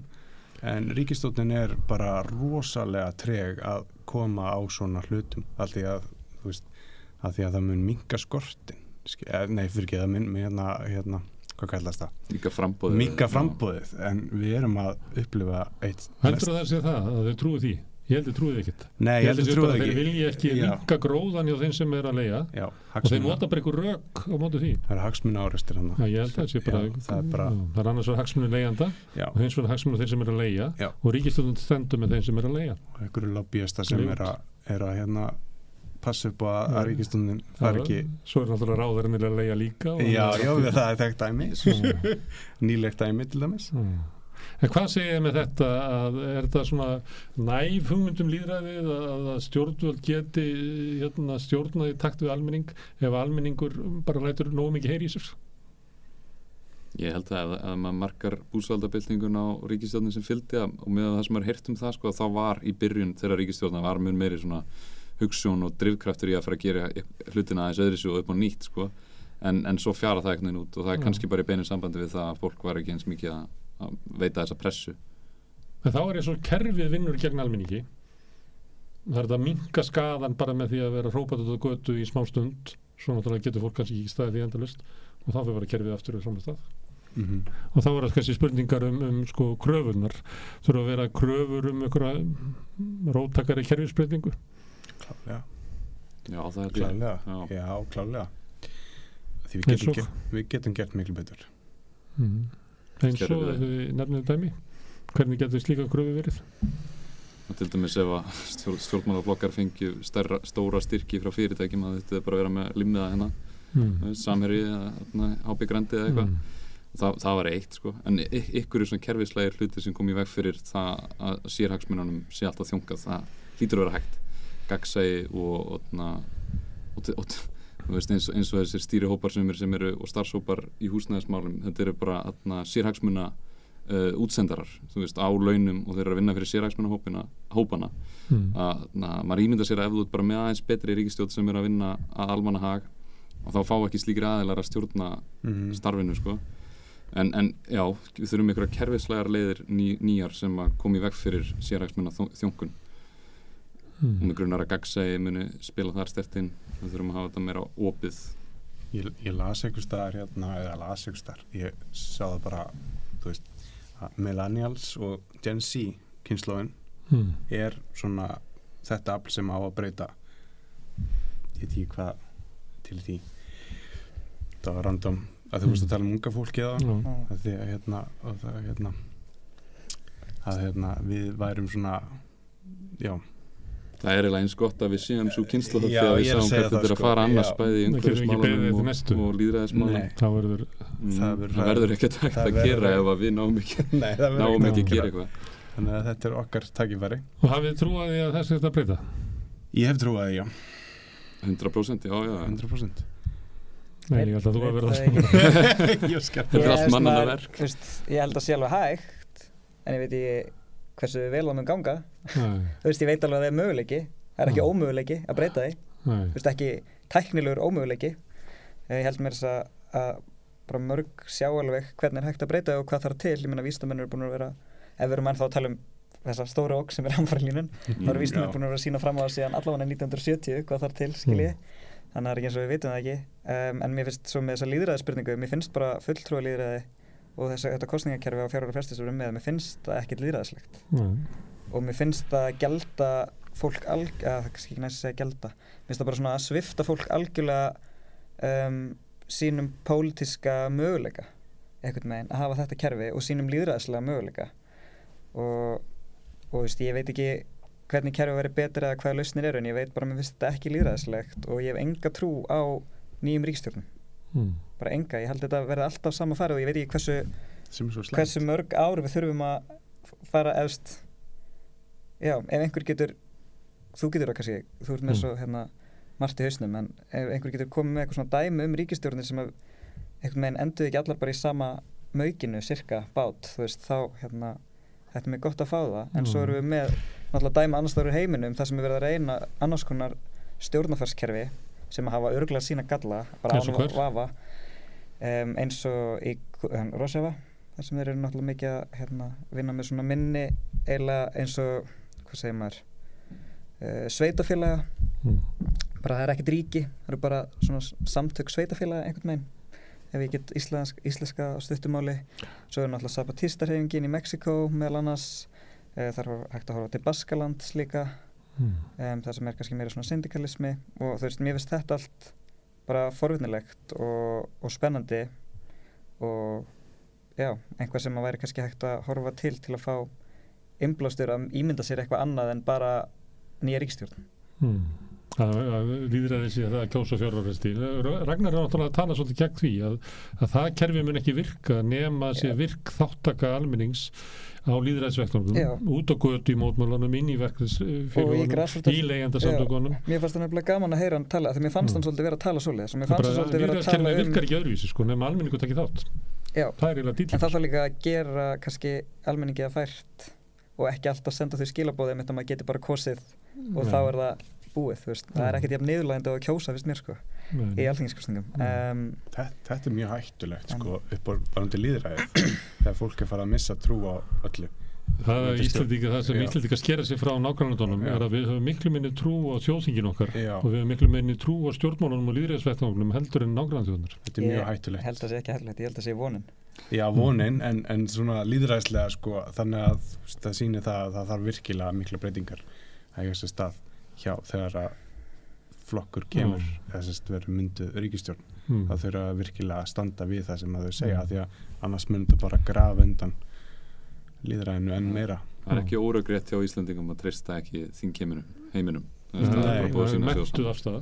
um, já, ekki öðna ignorant þannig að við þurfum að breyta þessu sko en, en Það er ekki alveg sammála, er ég, að það er sumir lendur þess að kerfið, laga það, en sumir hafa bara enga trú á því og finnst bara gott að falli því að þá getur við byggt upp eitthvað nýtt. Ég trúi að við getum laga kerfið, ég meina að þú gert breytingar, drastiska breytingar e, þetta er náttúrulega svolítið úreld kerfi sem við erum með það þurfum að breyta því. Það mun þurfa margt já, en, Já. en, en það er eitt mjög heillandi við þetta svona atna, róhafa fyrirkomulag og, og að, að það sé meira svona sjálfstjórnar hér eða ykkur skonar að mér skilst að þetta sé kannski líka svona raunverulega leiðin út úr veðurfars ham, ham, hamförunum er að nærsamfélagin séu mun meira í sjálf, sjálfstæð sko, sjálfbröðan á að, að bera sér sjálf þannig að kannski mun það einhvern veginn tengjast inn í þetta sko.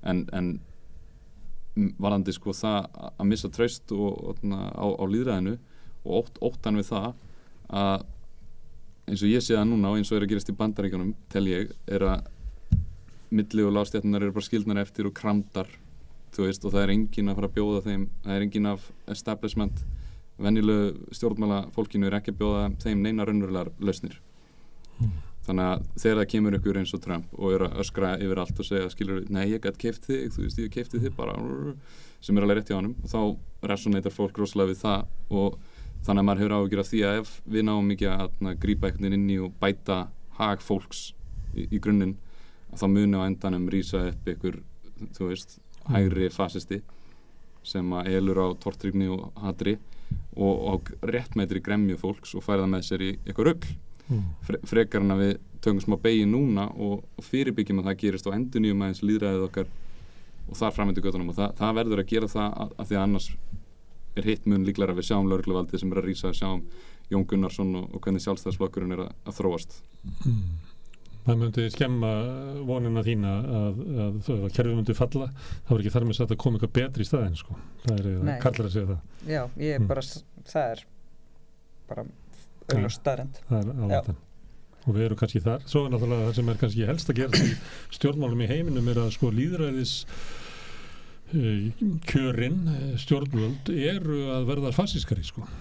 Mhm. við sjáum þetta í Indlandi, Tyrklandi uh, Pólandi Ísrael eiginlega út um allt og hérna við gætum alveg farið nær okkur og verið að tala um breyta afstöðu sko sósíaldemokrata í, í Danmörku og, og uh, breyta stefnu í, í, bara í löndun nálátt okkur og þú nefndir Jón Gunnarsson og við getum bara haldið áfram. Þannig að ekki þetta er, að sem er að nýluna til að svolítið smá fasísk já, þannig að sömuleiti er, er þetta kannski líka ógn.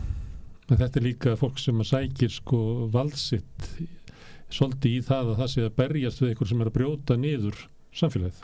Mhm. en það þurfi, þess vegna þurfi það aukin völd vegna þess að ógnin er þarna til staðar en þá hlæðist náttúrulega upp of mikil völd hjá einu líðræðiskjörna valdi. En þetta er kannski ekki tilhendur til mótmála en út af þessu að ef að sumi vilja laga kerfið eins og er aðri vilja umbylta því geta þessir hópað saminast um að mótmála því ástandinu sem að er Já, og frestað ákvörðunum hvert ætlum við að fara svo Þannig að uh, oft eru mótmæli þannig, allir arabíska vorið og allt þetta sem að fólk ríkur út á götu, bara vil ekki stjórnum þessu er, vil ekki ástöndu þessu er.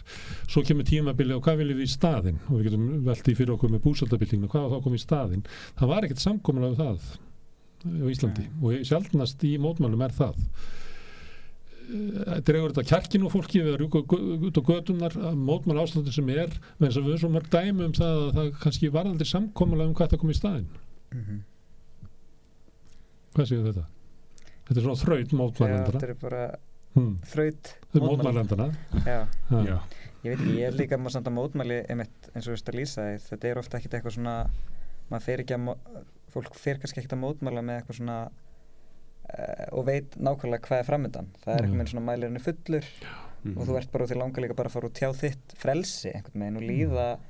veist, eins og þú getur te tekið þína mannsæmt eitthvað með einn í þínir einn hendur og svona átt þinn tilvistarétt mm. um, mér finnst mótmælið snúast mikið um það óhaf því svo hver útkoman er fyrir því personlega mm. eða samfélagið.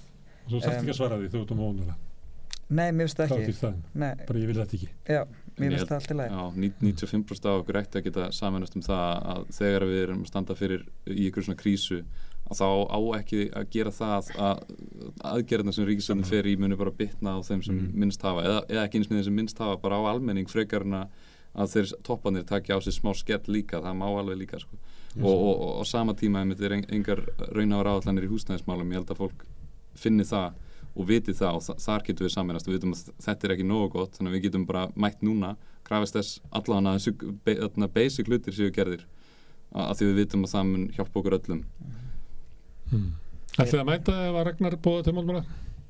Hygglust Hygglust, já okay. Það fyrir kannski bara eftir formyrkjónum smá auðvitað en ég treyst hann alveg til þess að vera með góð formyrkjón Þannig... Þú betur á það að ef það er mótmæli og hann er með ykkur að fimm punta og þú vilt mótmæli ykkur öðru þá er þú bara með þetta eigin spjald já. Já. og mér fannst líka að hann var að segja veist, að það þarf að kalla til uh, fleiri skilur, það þarf að kalla til grást uh, samtök, það þarf að kalla til uh, ungla flokka pólitíska hreyfinga whatever ef þeir vilja og þú veist, bara fólk hérna á, mér finnst það að vera svo mikilvægt að hafa, einhvern svona breyða samstöðu, ég hef alltaf verið mjög mikið fyrir það að reyna að fá fólk uh, sem er með mismundi málumni og er að berast fyrir mismundi hlutum, að fá þau til að koma saman og miðla þekkingu og miðla mm. sjónurrónum, ég er mjög mikið fyrir það og finnst það mjög mikilvægt og finnst það skorta algjörlega hérna, mér finnst allir verið sín hodni mm. mjög oft, þannig að mér finnst flott að hann sé En ef við myndum ímynda okkur svolítið smótmæli, ef við tekjum svona hópa sem hafa verið að mótmæla eh, umhverfið sinnar fólk sem er mótmæla já, bara við getum kallað lífskjara krísunni sem er núna, sem eru svona efnaðslega mótmæli, leyendur uh, stjórnarskrárfélagi við nýja stjórnarskrár ef allir þessu hópur er bara saman á mótmælum allir með, með sína mhm. áherslu mm -hmm. hverju er verið að mótmæla þá?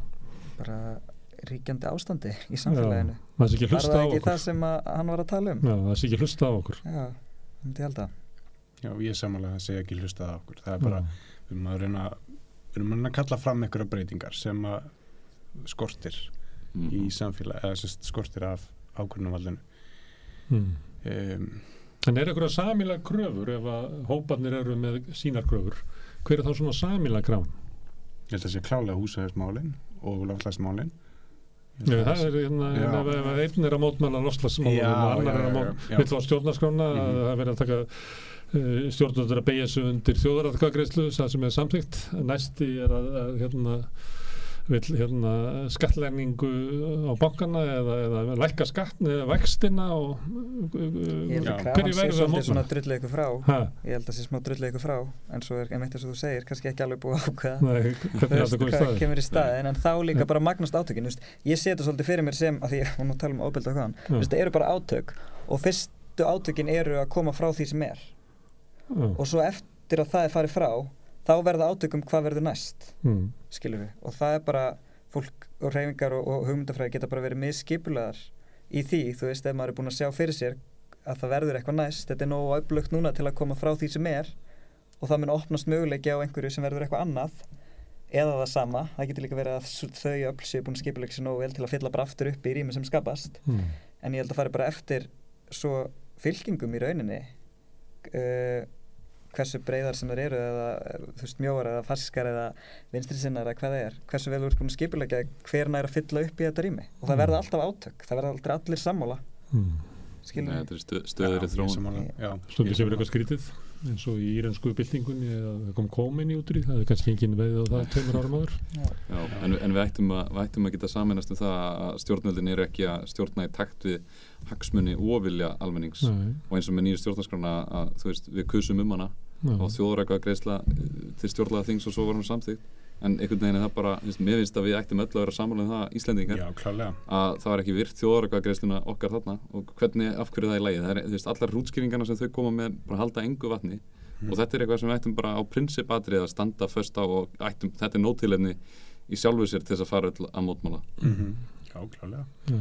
og líklega er það í, þannig í samfélaginu og bara óumdilt að, að almenningur í Íslandi tristir ekki stjórnvöldum þau tristuðu í smá tíma meðan það var COVID-faraldur þannig að tröstu dugar til þess að ef að það er hérna, teiknuð upp stórkostlega ógn sem að, að við verðum að beigja okkur undir stjórnvöld til þess að verja okkur fyrir að þá sleppur þetta en leið og það líður hjá það dettur þannig í sama farið að almenningur upplifir það að stjórnvöld séu að svíkja sig Mhm. það er líklega staðan það sem Ragnar er að vísa til og staðan sem að flestir upplifa á Íslandi mm. Já, einmitt Herðu, vonandi verður þetta að vera góð mótmæli þegar ekki?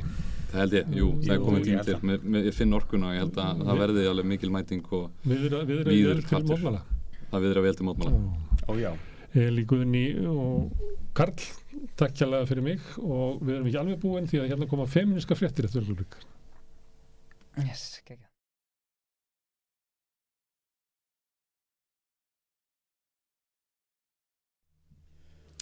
Já, uh, þau eru sest hérna með mig við Rauðaborðið uh, Sara Steff, uh, Margrét Pétursdóttir, Hjalmar Fredriksson og uh, ég heiti Marja Pétursdóttir og við erum uh, sósilsku feministarnir hérna, við þrjára allavega, Hjalmar eru líka.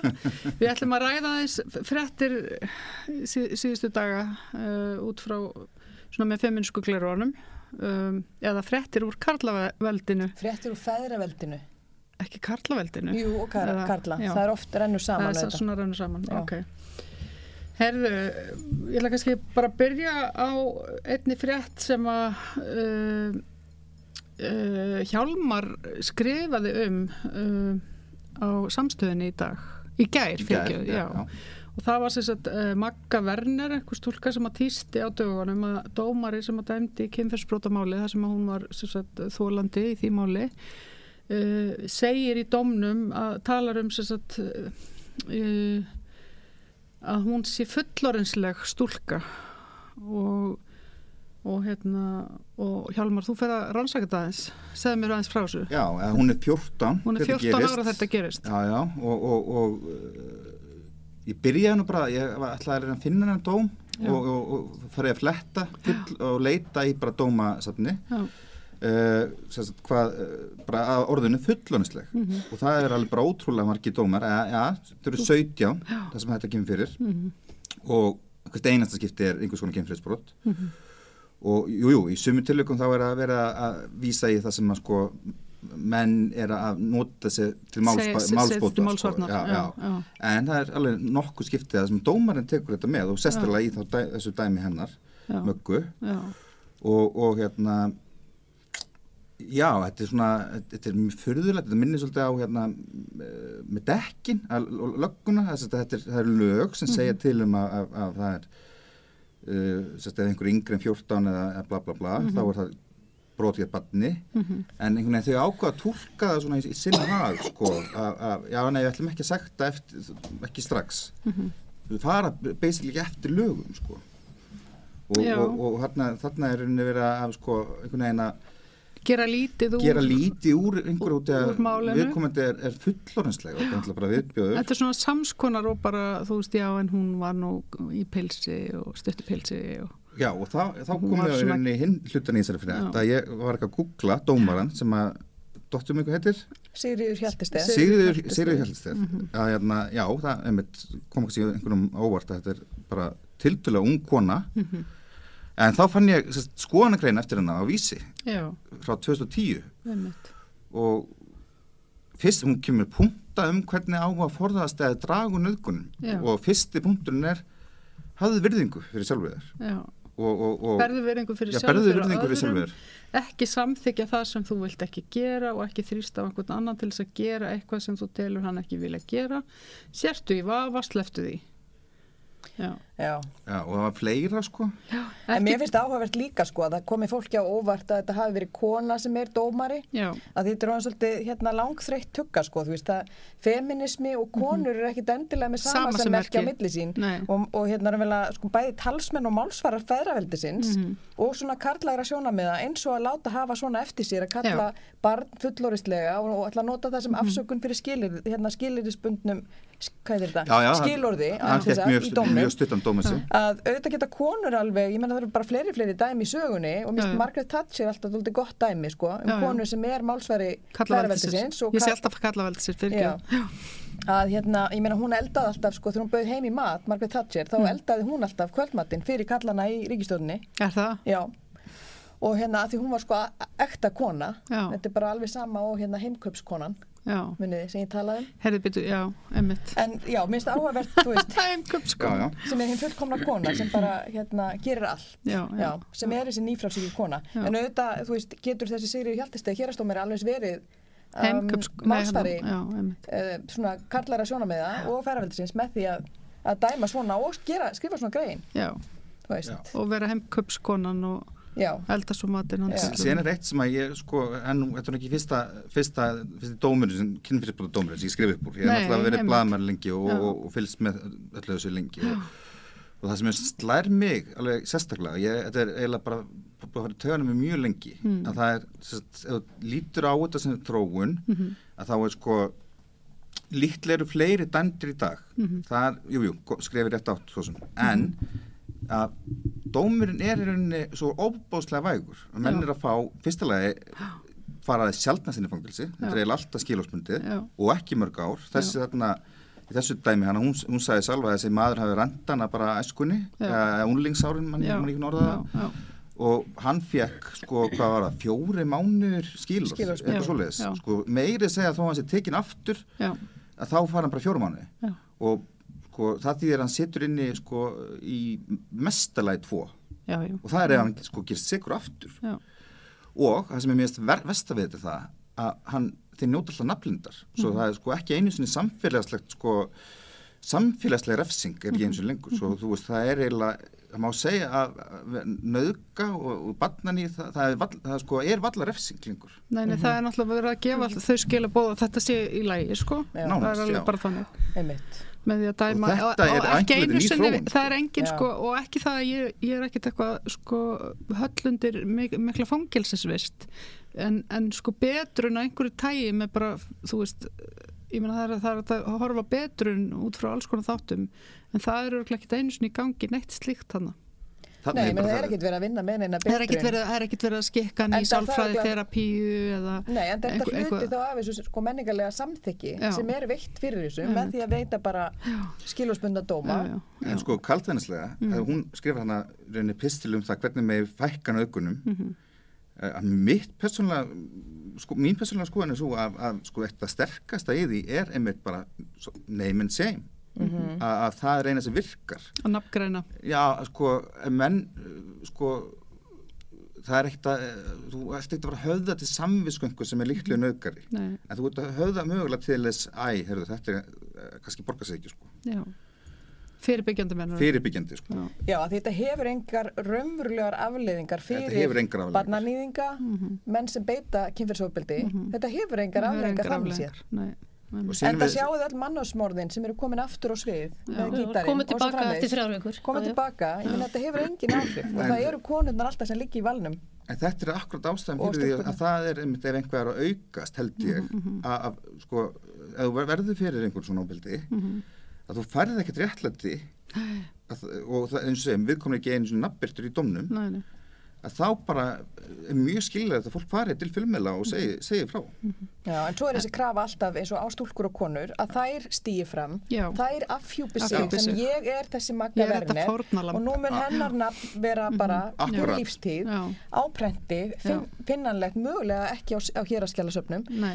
en, en hérna við ætlum að hefum þetta að tala um aðeins héraskjálasöfn veist, þetta er rosa hérna, mikill bæðast, það er náttúrulega margar konur og stúlkur og ég þekki það á minni eigin fjölskyldu að það er neyta að stíga fram af því þær ætla ekki að verða þessi stelpa. Já, en þetta er einmitt, kerfið er raunin að íta undir þetta. Já. það er einmitt vandamáli sko. Er en þannig er konum vandamál. og stúlkum refsað í enn annari mynd Já, með já. bara þetta hverstaslega húin, já. hvenna Herðu, en tölum aðeins um héraskjálasöfnin að því þú myndist á þau. Já, einmitt. Nú- Ég, hérna, nú var, sem sagt, voru að því fréttir í dag að héraskjálasafn Kópavogs fær sömu um, örlög og borgarskjálasafn Mm. Reykjavíkur, það er sama ráðgjafafyrirtæki sem að fengið þar til að koma að Já. og miðast bara að því að bæjarstjóri. Kópavogs sem er búin að sitja núna í ára það er fyrir sjálfstæðsflokkurinn uh, með völdinni að þau taka þessa ákvörðin bæjarstjórn að hérna loka bæjarskjálasafninu eins og það er kallað held ég þarna. Mhm.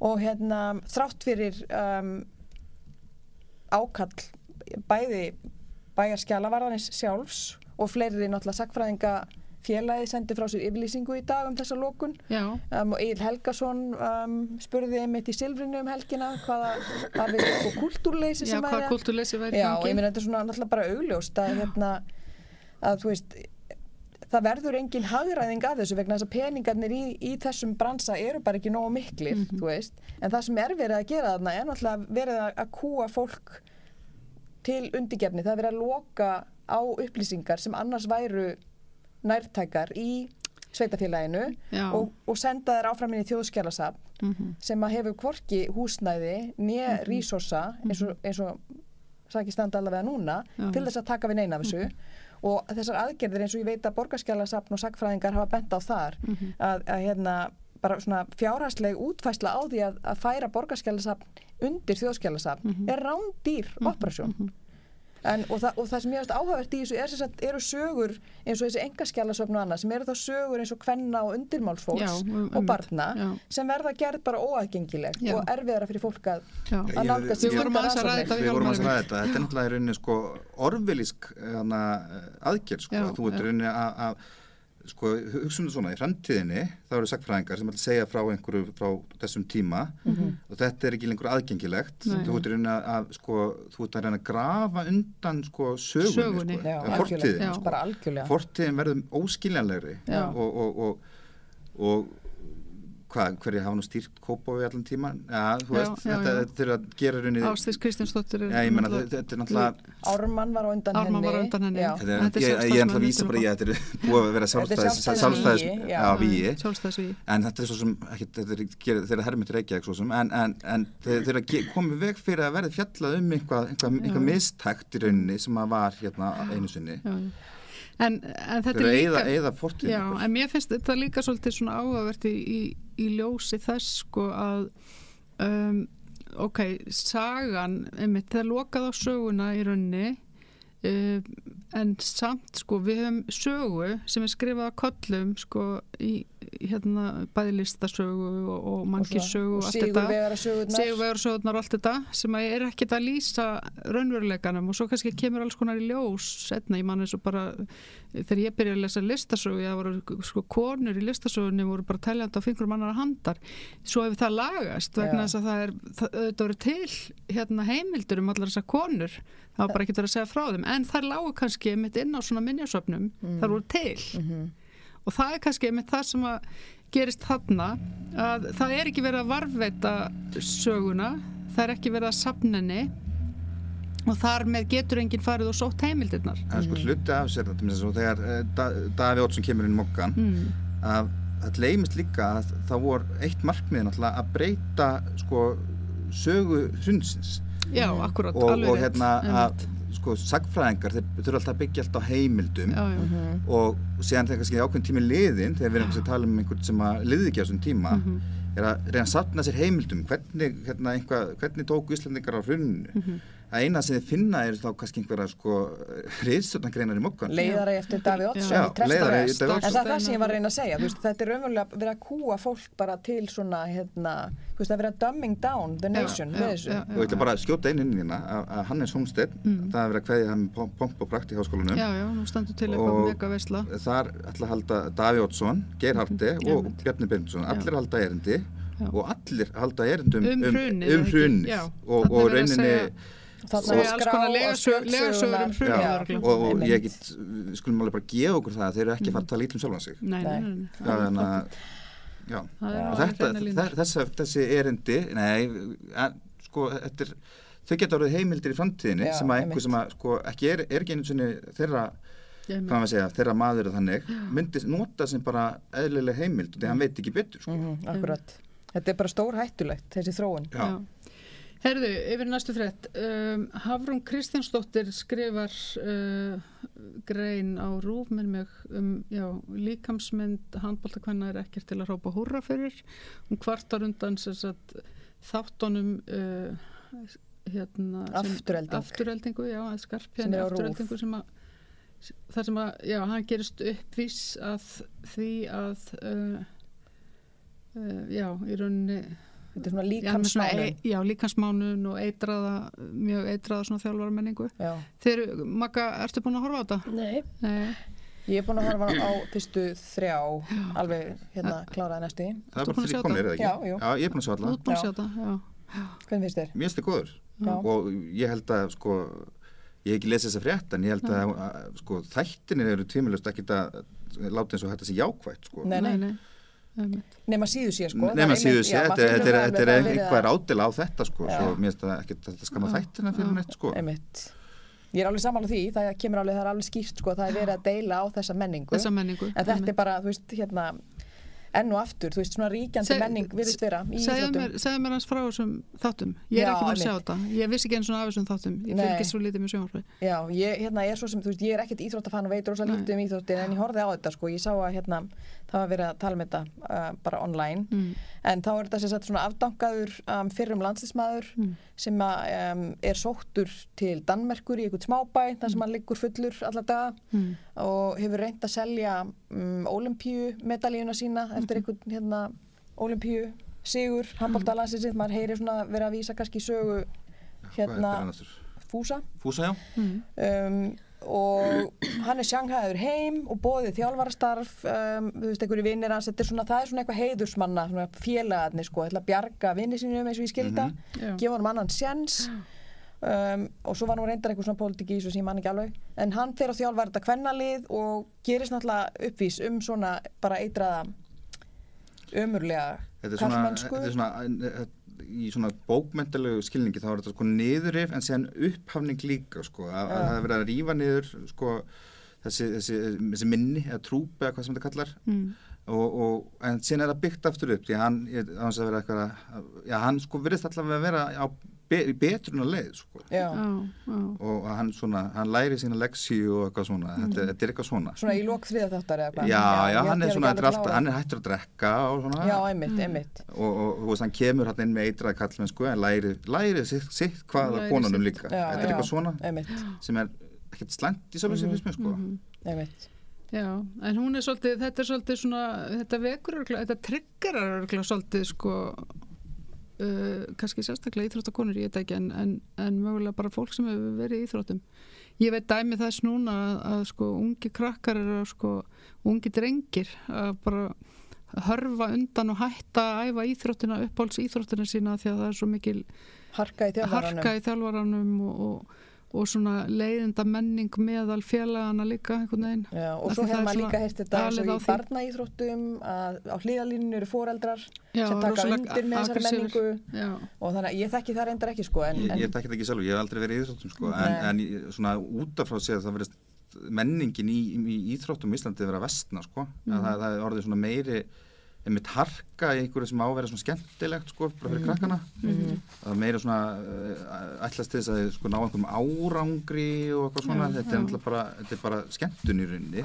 Á að á vera, það sko. á að vera sko. bara svona Já. heilbrið skemmtun. En þetta er orðið einhver svona snúast um það sko, að ná árangri og, og hérna, þetta er svona þetta er svona eitthvað svona ég veit hvað að kalla þetta sko, að að þetta er ekki lengur til, til að helbrið sáli hraustur líka Nei, þetta er ekkert lengur svo leys. þetta er ekkert ekkert svoleið sko En það er rosa, líka mjög snemma, dótti mín var í fimmleikum Já. og þótti efnileg og það er rosa snemma sem þau byrja að reyna að sikta út krakka í svona afreks Já, hérna, íþróttir og hún nákvæmlega. lendi svolítið í því og það er meitt gerist með hana að Já. hún bara kiknaði undan því álægi Álagi, einmitt. en það sem að maður fann líka var sko, að á æfingum Mhm. að þá var henni veitt alveg rosalega aðtigli að þjálfaranum Mhm. á meðan að öðrum krökkum þú veist, þá fengu þau miklu minna þannig að eiginlega þú veist, eins og þau væru að niðugreiða bara fyrir mig já, afreks þjálfunina sem að hún hlaut já, þú einmitt. veist, það, ég var Þetta bara með óbræði munni þetta var Þetta ekki er svolítið rosalega. Já.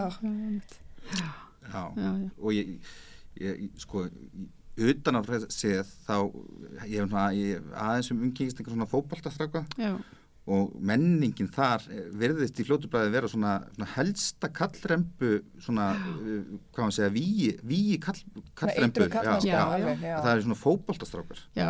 En það sjáum við nú allt sem gerist í allt já, já, ég er að vísi þegar líka Já. sko Já, að, að það er eins og það sé einhver svona mjög slæm menning þar, Já. mik- miklu verri heldur en í mörgu öðru sko. Já, þetta er rosalega kallaklúpur Já, já, nei, og- og- bara alþjóðafótboltinn En ætli líka. þetta sé ekki svona í hérna, þú veist, pílukastfélaginu hérna, og bókfimminni og bókfimminni já, já, ég held að, ég held að, ég held að golfinu.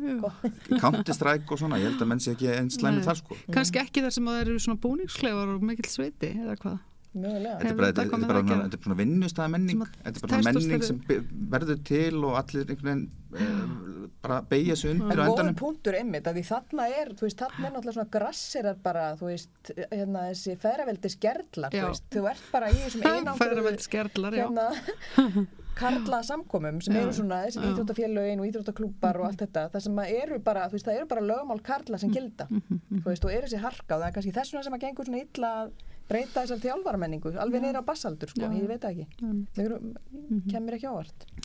Bara, þetta í þáttunum afturhaldingu, það kalla, ég held að sé að vísi það, hún kallar, hann kallar einhverja búðing Já, Já, já, og þetta, þetta er svona slangur sem ég bara heirt fótboltastráka að segja segja um stelpur. Nei, bara mig, stráka. mig einhvern tímann held ég Já, já þannig að Ég- það hann sé ég- ekki alveg tóna Nei, nei, þá bara bara Þetta er bú, Búðingur. nei, en þetta er bara það sem ég er að segja það að þetta er sko, þetta er slangur innan hóps. Þetta er svona, þetta er svona menningarhópur sko.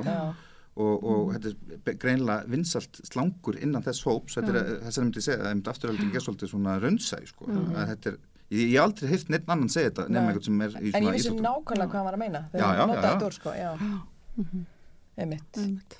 Ertu með einhverju frett, Margrét? Herðu, ég fer út í heim, ég fyrir til Serbíu. Já, Það er búið að vera síðan í september mikil mótmæli alltaf öðru hverju, Já. svona þegar að snjóaði ekki allt of mikið og var of kallt. Og það var, kom til vegna blaðaviðtals uh, sem að var í uh, blaðinu Informer við ráðnöðgara. Mhm. Hann var búin að vera í fangilsi í 15 ár fyrir uh, ráðnöðgarnar og annað ábeldi.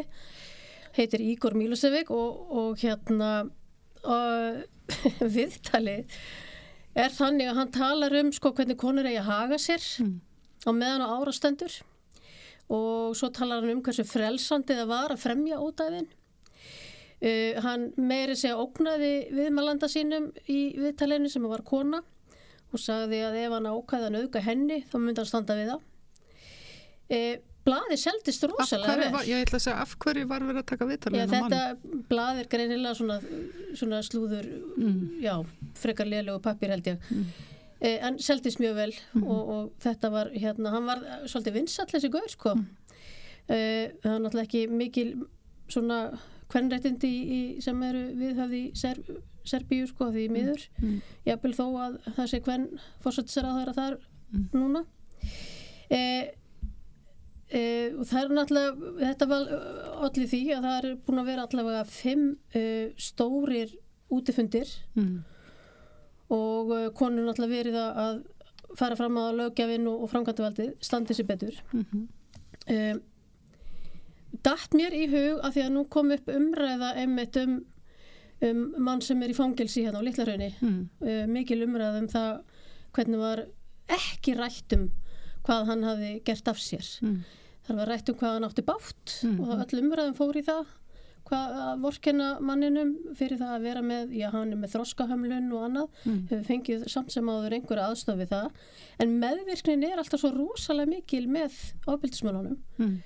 Og fór einmitt út í það líka þarna og uh, þetta er náttúrulega bara svona að við finnum feðraveldi og kallaveldi allstaðar í heiminum, Mhm. alveg saman hvar við komum Mhm. uh, og þetta var sérst í kompást þætti sem að var held ég ekkit fyrir löngu síðan ég þóru nú ekki að fara með dagsendinguna Var verið að tala um, sérst, segja frá þessu í kompostættinum? Já, hann heitir, já, frá þessum manni sem er á, á litla raunni. Nei, já, já, Já. með hann, já. Já. Einmitt, já. Já, var þetta ekki bara núna í vikunni? Ég, var, já, ég veit ekki hvað er langt síðan, ekki langt síðan, Nei, en getur verið vika hálfum mánuður. Sáu þetta viðtal? Nei, ég sá, Nei. Sá bara svona einhverju auðlýsingu frá þessu eða um eitthvað þetta, svo sko, Já, já. Mhm. Já. Einmitt. Þetta var mjög svona, eh, einmitt eins og vorum að ræða þetta er svona mjög típisk umræða sem Mhm. kemur alltaf í kringum þetta. Mhm. Þessi ofbáslega meðvirkni með ofbeldi. Já. Og gegn mannréttindum, bara yfir höfuð. Mhm. Þetta var frá Serbíu. Já. Erum við kannski fyrir aðeins lengra át í heimi og vorum að velta fyrir okkur stríðin í Sútan líka og svona bara stríð, hvað, proxy stríð? Já, ég var bara hérna Sara. fekk svona semi-vitrun sem að örgulega margir að fengja á undan mér, ég er bara svo seinþróska Mm. en nei, ég fór að hugsa um þetta það, er, hérna, ný, þetta er frekar þetta stríðir ný hafið í Sútan núna, Mm. ekki satt Já, byggt okkur vinaslitum, eða ekki? Jú, þetta eru tveir karlar Tveir- tveir karlar sem að sinnaðist. fylkinga. Sinnaðist og karla og fylkinga þeirra sem hefur sinnast já. þannig að þetta er þess, einhver herfóringja stjórn og svo einhver svona paramalisja sem er að, að stríða þarna Já. í óþökk fólksins eh, allavega með hvernig ég les fréttir En Það var ekkert verið útskýrt sko, hva, hvað er standa fyrir en eitt sko. Já, það finnum við eftir hvað fréttir maður les sko. Já, ég hef alltaf ekki séð það sko. Nei, en þannig að ég hef lesið þannig fréttir uh, og delta með mitt inn á sósælska feminista hérna, Mhm. Facebook-grúpuna það sem við var talað um sko, þetta væri mitt bara stríðandi fylkingar tvekja karla sem væru í proxy stríði sem er Mhm. sama hugtak og hefur verið nota núna fyrir stríði í já. það sem að hérna, við þekkjum sem sagt, þann sem að er um, að beita þessari proxy um, strategíu eða taktík Mm. og að láta þannig tvö lönd stríða Mhm. en er sjálf að reyna bandaríkjamenn þar að segja Mhm. í því tilviki með Mhm. Úkrænu og Rússa að þá er það bandaríkjamenn sem er að reyna eða að tósi spottana Mhm. um, samanbyr líka þarna þegar þau sprengdu Nord Stream gaslisluna Mhm. til að geta síðan selt eigi, sína eigin resursa til. Úkrænu og að því sem mér skilst að þá er til dæmis verið að hóla inn, að innan úkrænst samfélag og Mhm. innviði þess samfélag um, og breyta því svona nýfrálsíkju samfélag ekki ólíkt því sem við þekkjum bara hér á landi Einmitt. og er, dæmis að gerast eins og með hér að skellasöfnin og Mhm. um, helbriðskerfið, mentakerfið og allt þetta Mhm. en það sem ég varst áhugavert í með fréttaflutninga af þessu uh, sútanstríðinu Mhm. og þessu proxy stríði það er líka um að ræða sérst, hérna, ásókn í einhverjar uh, auðlindir pólitísk völd Mhm. um, einhver tengslanet við vestrið og, og hérna það kemur aldrei fram í þessu fréttamatti raunverulega, það var eiginlega það sem sló mig Mhm. að í öllum þessum stríðsfréttum um, ferraveldisins sem að fer, þau ferraveldi fer alltaf bara fram með eðileggingu, stríði og einhverjum, Mhm. einhverju ömurð að þá er fréttamatti alltaf líka á forsendum þeirra þannig að þú lest bara fréttur um eitthvað svona um, innviðatjón, efnæðslegt tjón uh, dauða, hermana þú veist Mhm. hversu margir rússar eru látnir hversu margir úkrænskir eru látnir Mhm. og svo er bara sagt frá að hérna, almenni borgarar hafi fallið líka og það er bara eitthvað svona collateral damage, eitthvað fórnarkostnaður Mhm. en fréttamatti greinir í raun og veru aldrei frá þú veist, hinum einn frá sem að manni myndi kannski finnast eðlilegt að því konur, þær hef ég aldrei stríð Mm. börn hef ég aldrei stríð og get ekki háð stríð nema þau séu livjuð til þess eins og í Líberíu eða eitthvað Varstu nú ekki að tala um Margaret Thatcher á það? Já, meina hún er Hún, hó, málsvari hún hóf nú hérna, hérna falkan stríðið. Já, en hún er talsmaður ferðaveldis Ah, já, ok, ok. Hún er raunverulega ekki sjá til. saman, þú veist, er. Við erum náttúrulega ekki að tala um við erum ekki að tala um líffræðilegt kyn, við erum að tala um karla, Já, ok. karla Já, veldi, skilur sko. mig, þannig að þeir sem eru bara Ég hef nú bara það hátt, hátt álit og konum, ég held að það geti alveg svolítið stríðs.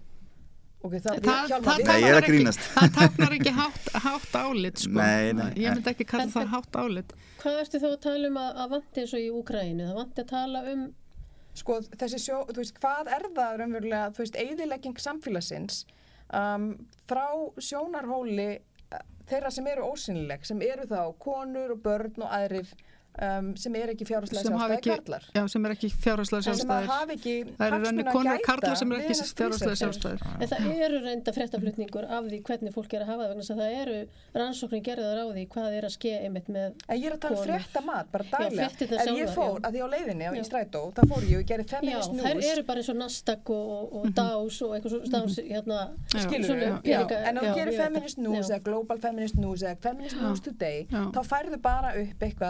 bókmentaþing kvenna haldið Já, já, það Eða bara einhver mjúkar fréttir. já, einhver japanskur já, ljóðskáld Já. sem er kona Mhm. hafi gefið út eitthvað svakalegt þú veist, þetta er allt svo ofsalega mjúkt og, og hérna konur fá engan aðgang inn í þetta þessa eyðileggingar um, og stríð stigveldi kallana sko. Mhm. Einmitt, og þetta, minnst, þetta sína bara svo augljóslega hversu valdalausar konur eru í raun og Mhm. veru ef það spil ekki leikinn eftir formerkjum kalla eins og Margaret Thatcher gerði Já, já, ok. að því hún gerði það svo vel hjálmar að hún meiri sér að þegar hún bauð þeim heim í mat Já, já. að þá gerði hún sósuna og kjúlan og allt þetta fyrir það þeir Já. sátt og byðu, hún var inn í eldúsi hún rétti matin í gegn Mhm. og maðurinn hennar satt með þeim köllunum að því hún var að taka þetta hvern hlutverk sem er skilitt að köllum bara alveg to the top Nei, þetta er Nefna alveg- þegar hún fór í vinnuna, náttúrulega.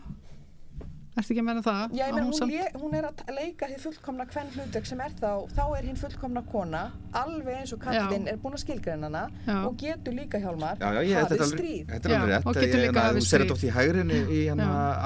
Já, já. Þá er eitthvað svona, Sara hanna Pal, Palin.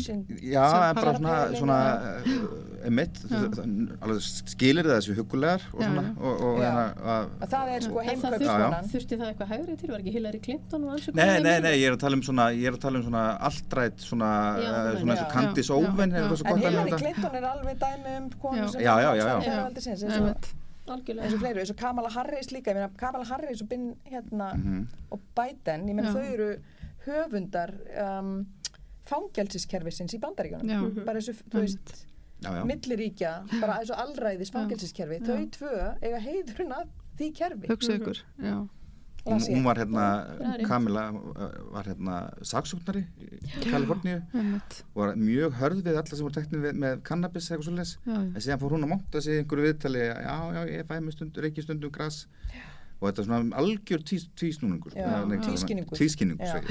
hún notar þetta bara sem recreationally til að slaka þess á. Já, en síðan er hún sko bara lífstíða fangilsi og, og, og einmitt yfirleitt bara einhverjur fátaklingar sem er hún hendir í fangilsi sko. sett í fangilsi. Akkur kannski sömu menninu voru, voru kannski sko út við henni sko. Þetta er svona, já En það var bara þetta sem ég vildi hérna, með sútanstríð, þetta sló mig aðeins bara af því að það eru náttúrulega, það kom skýrt fram hann í frétti á Morning Star online allavega, þú veist að það eru, og það var kona sem að er um, heimamaður þar sem skrifaði fréttina, hún segir bara, þú veist, þetta er ekki stríð.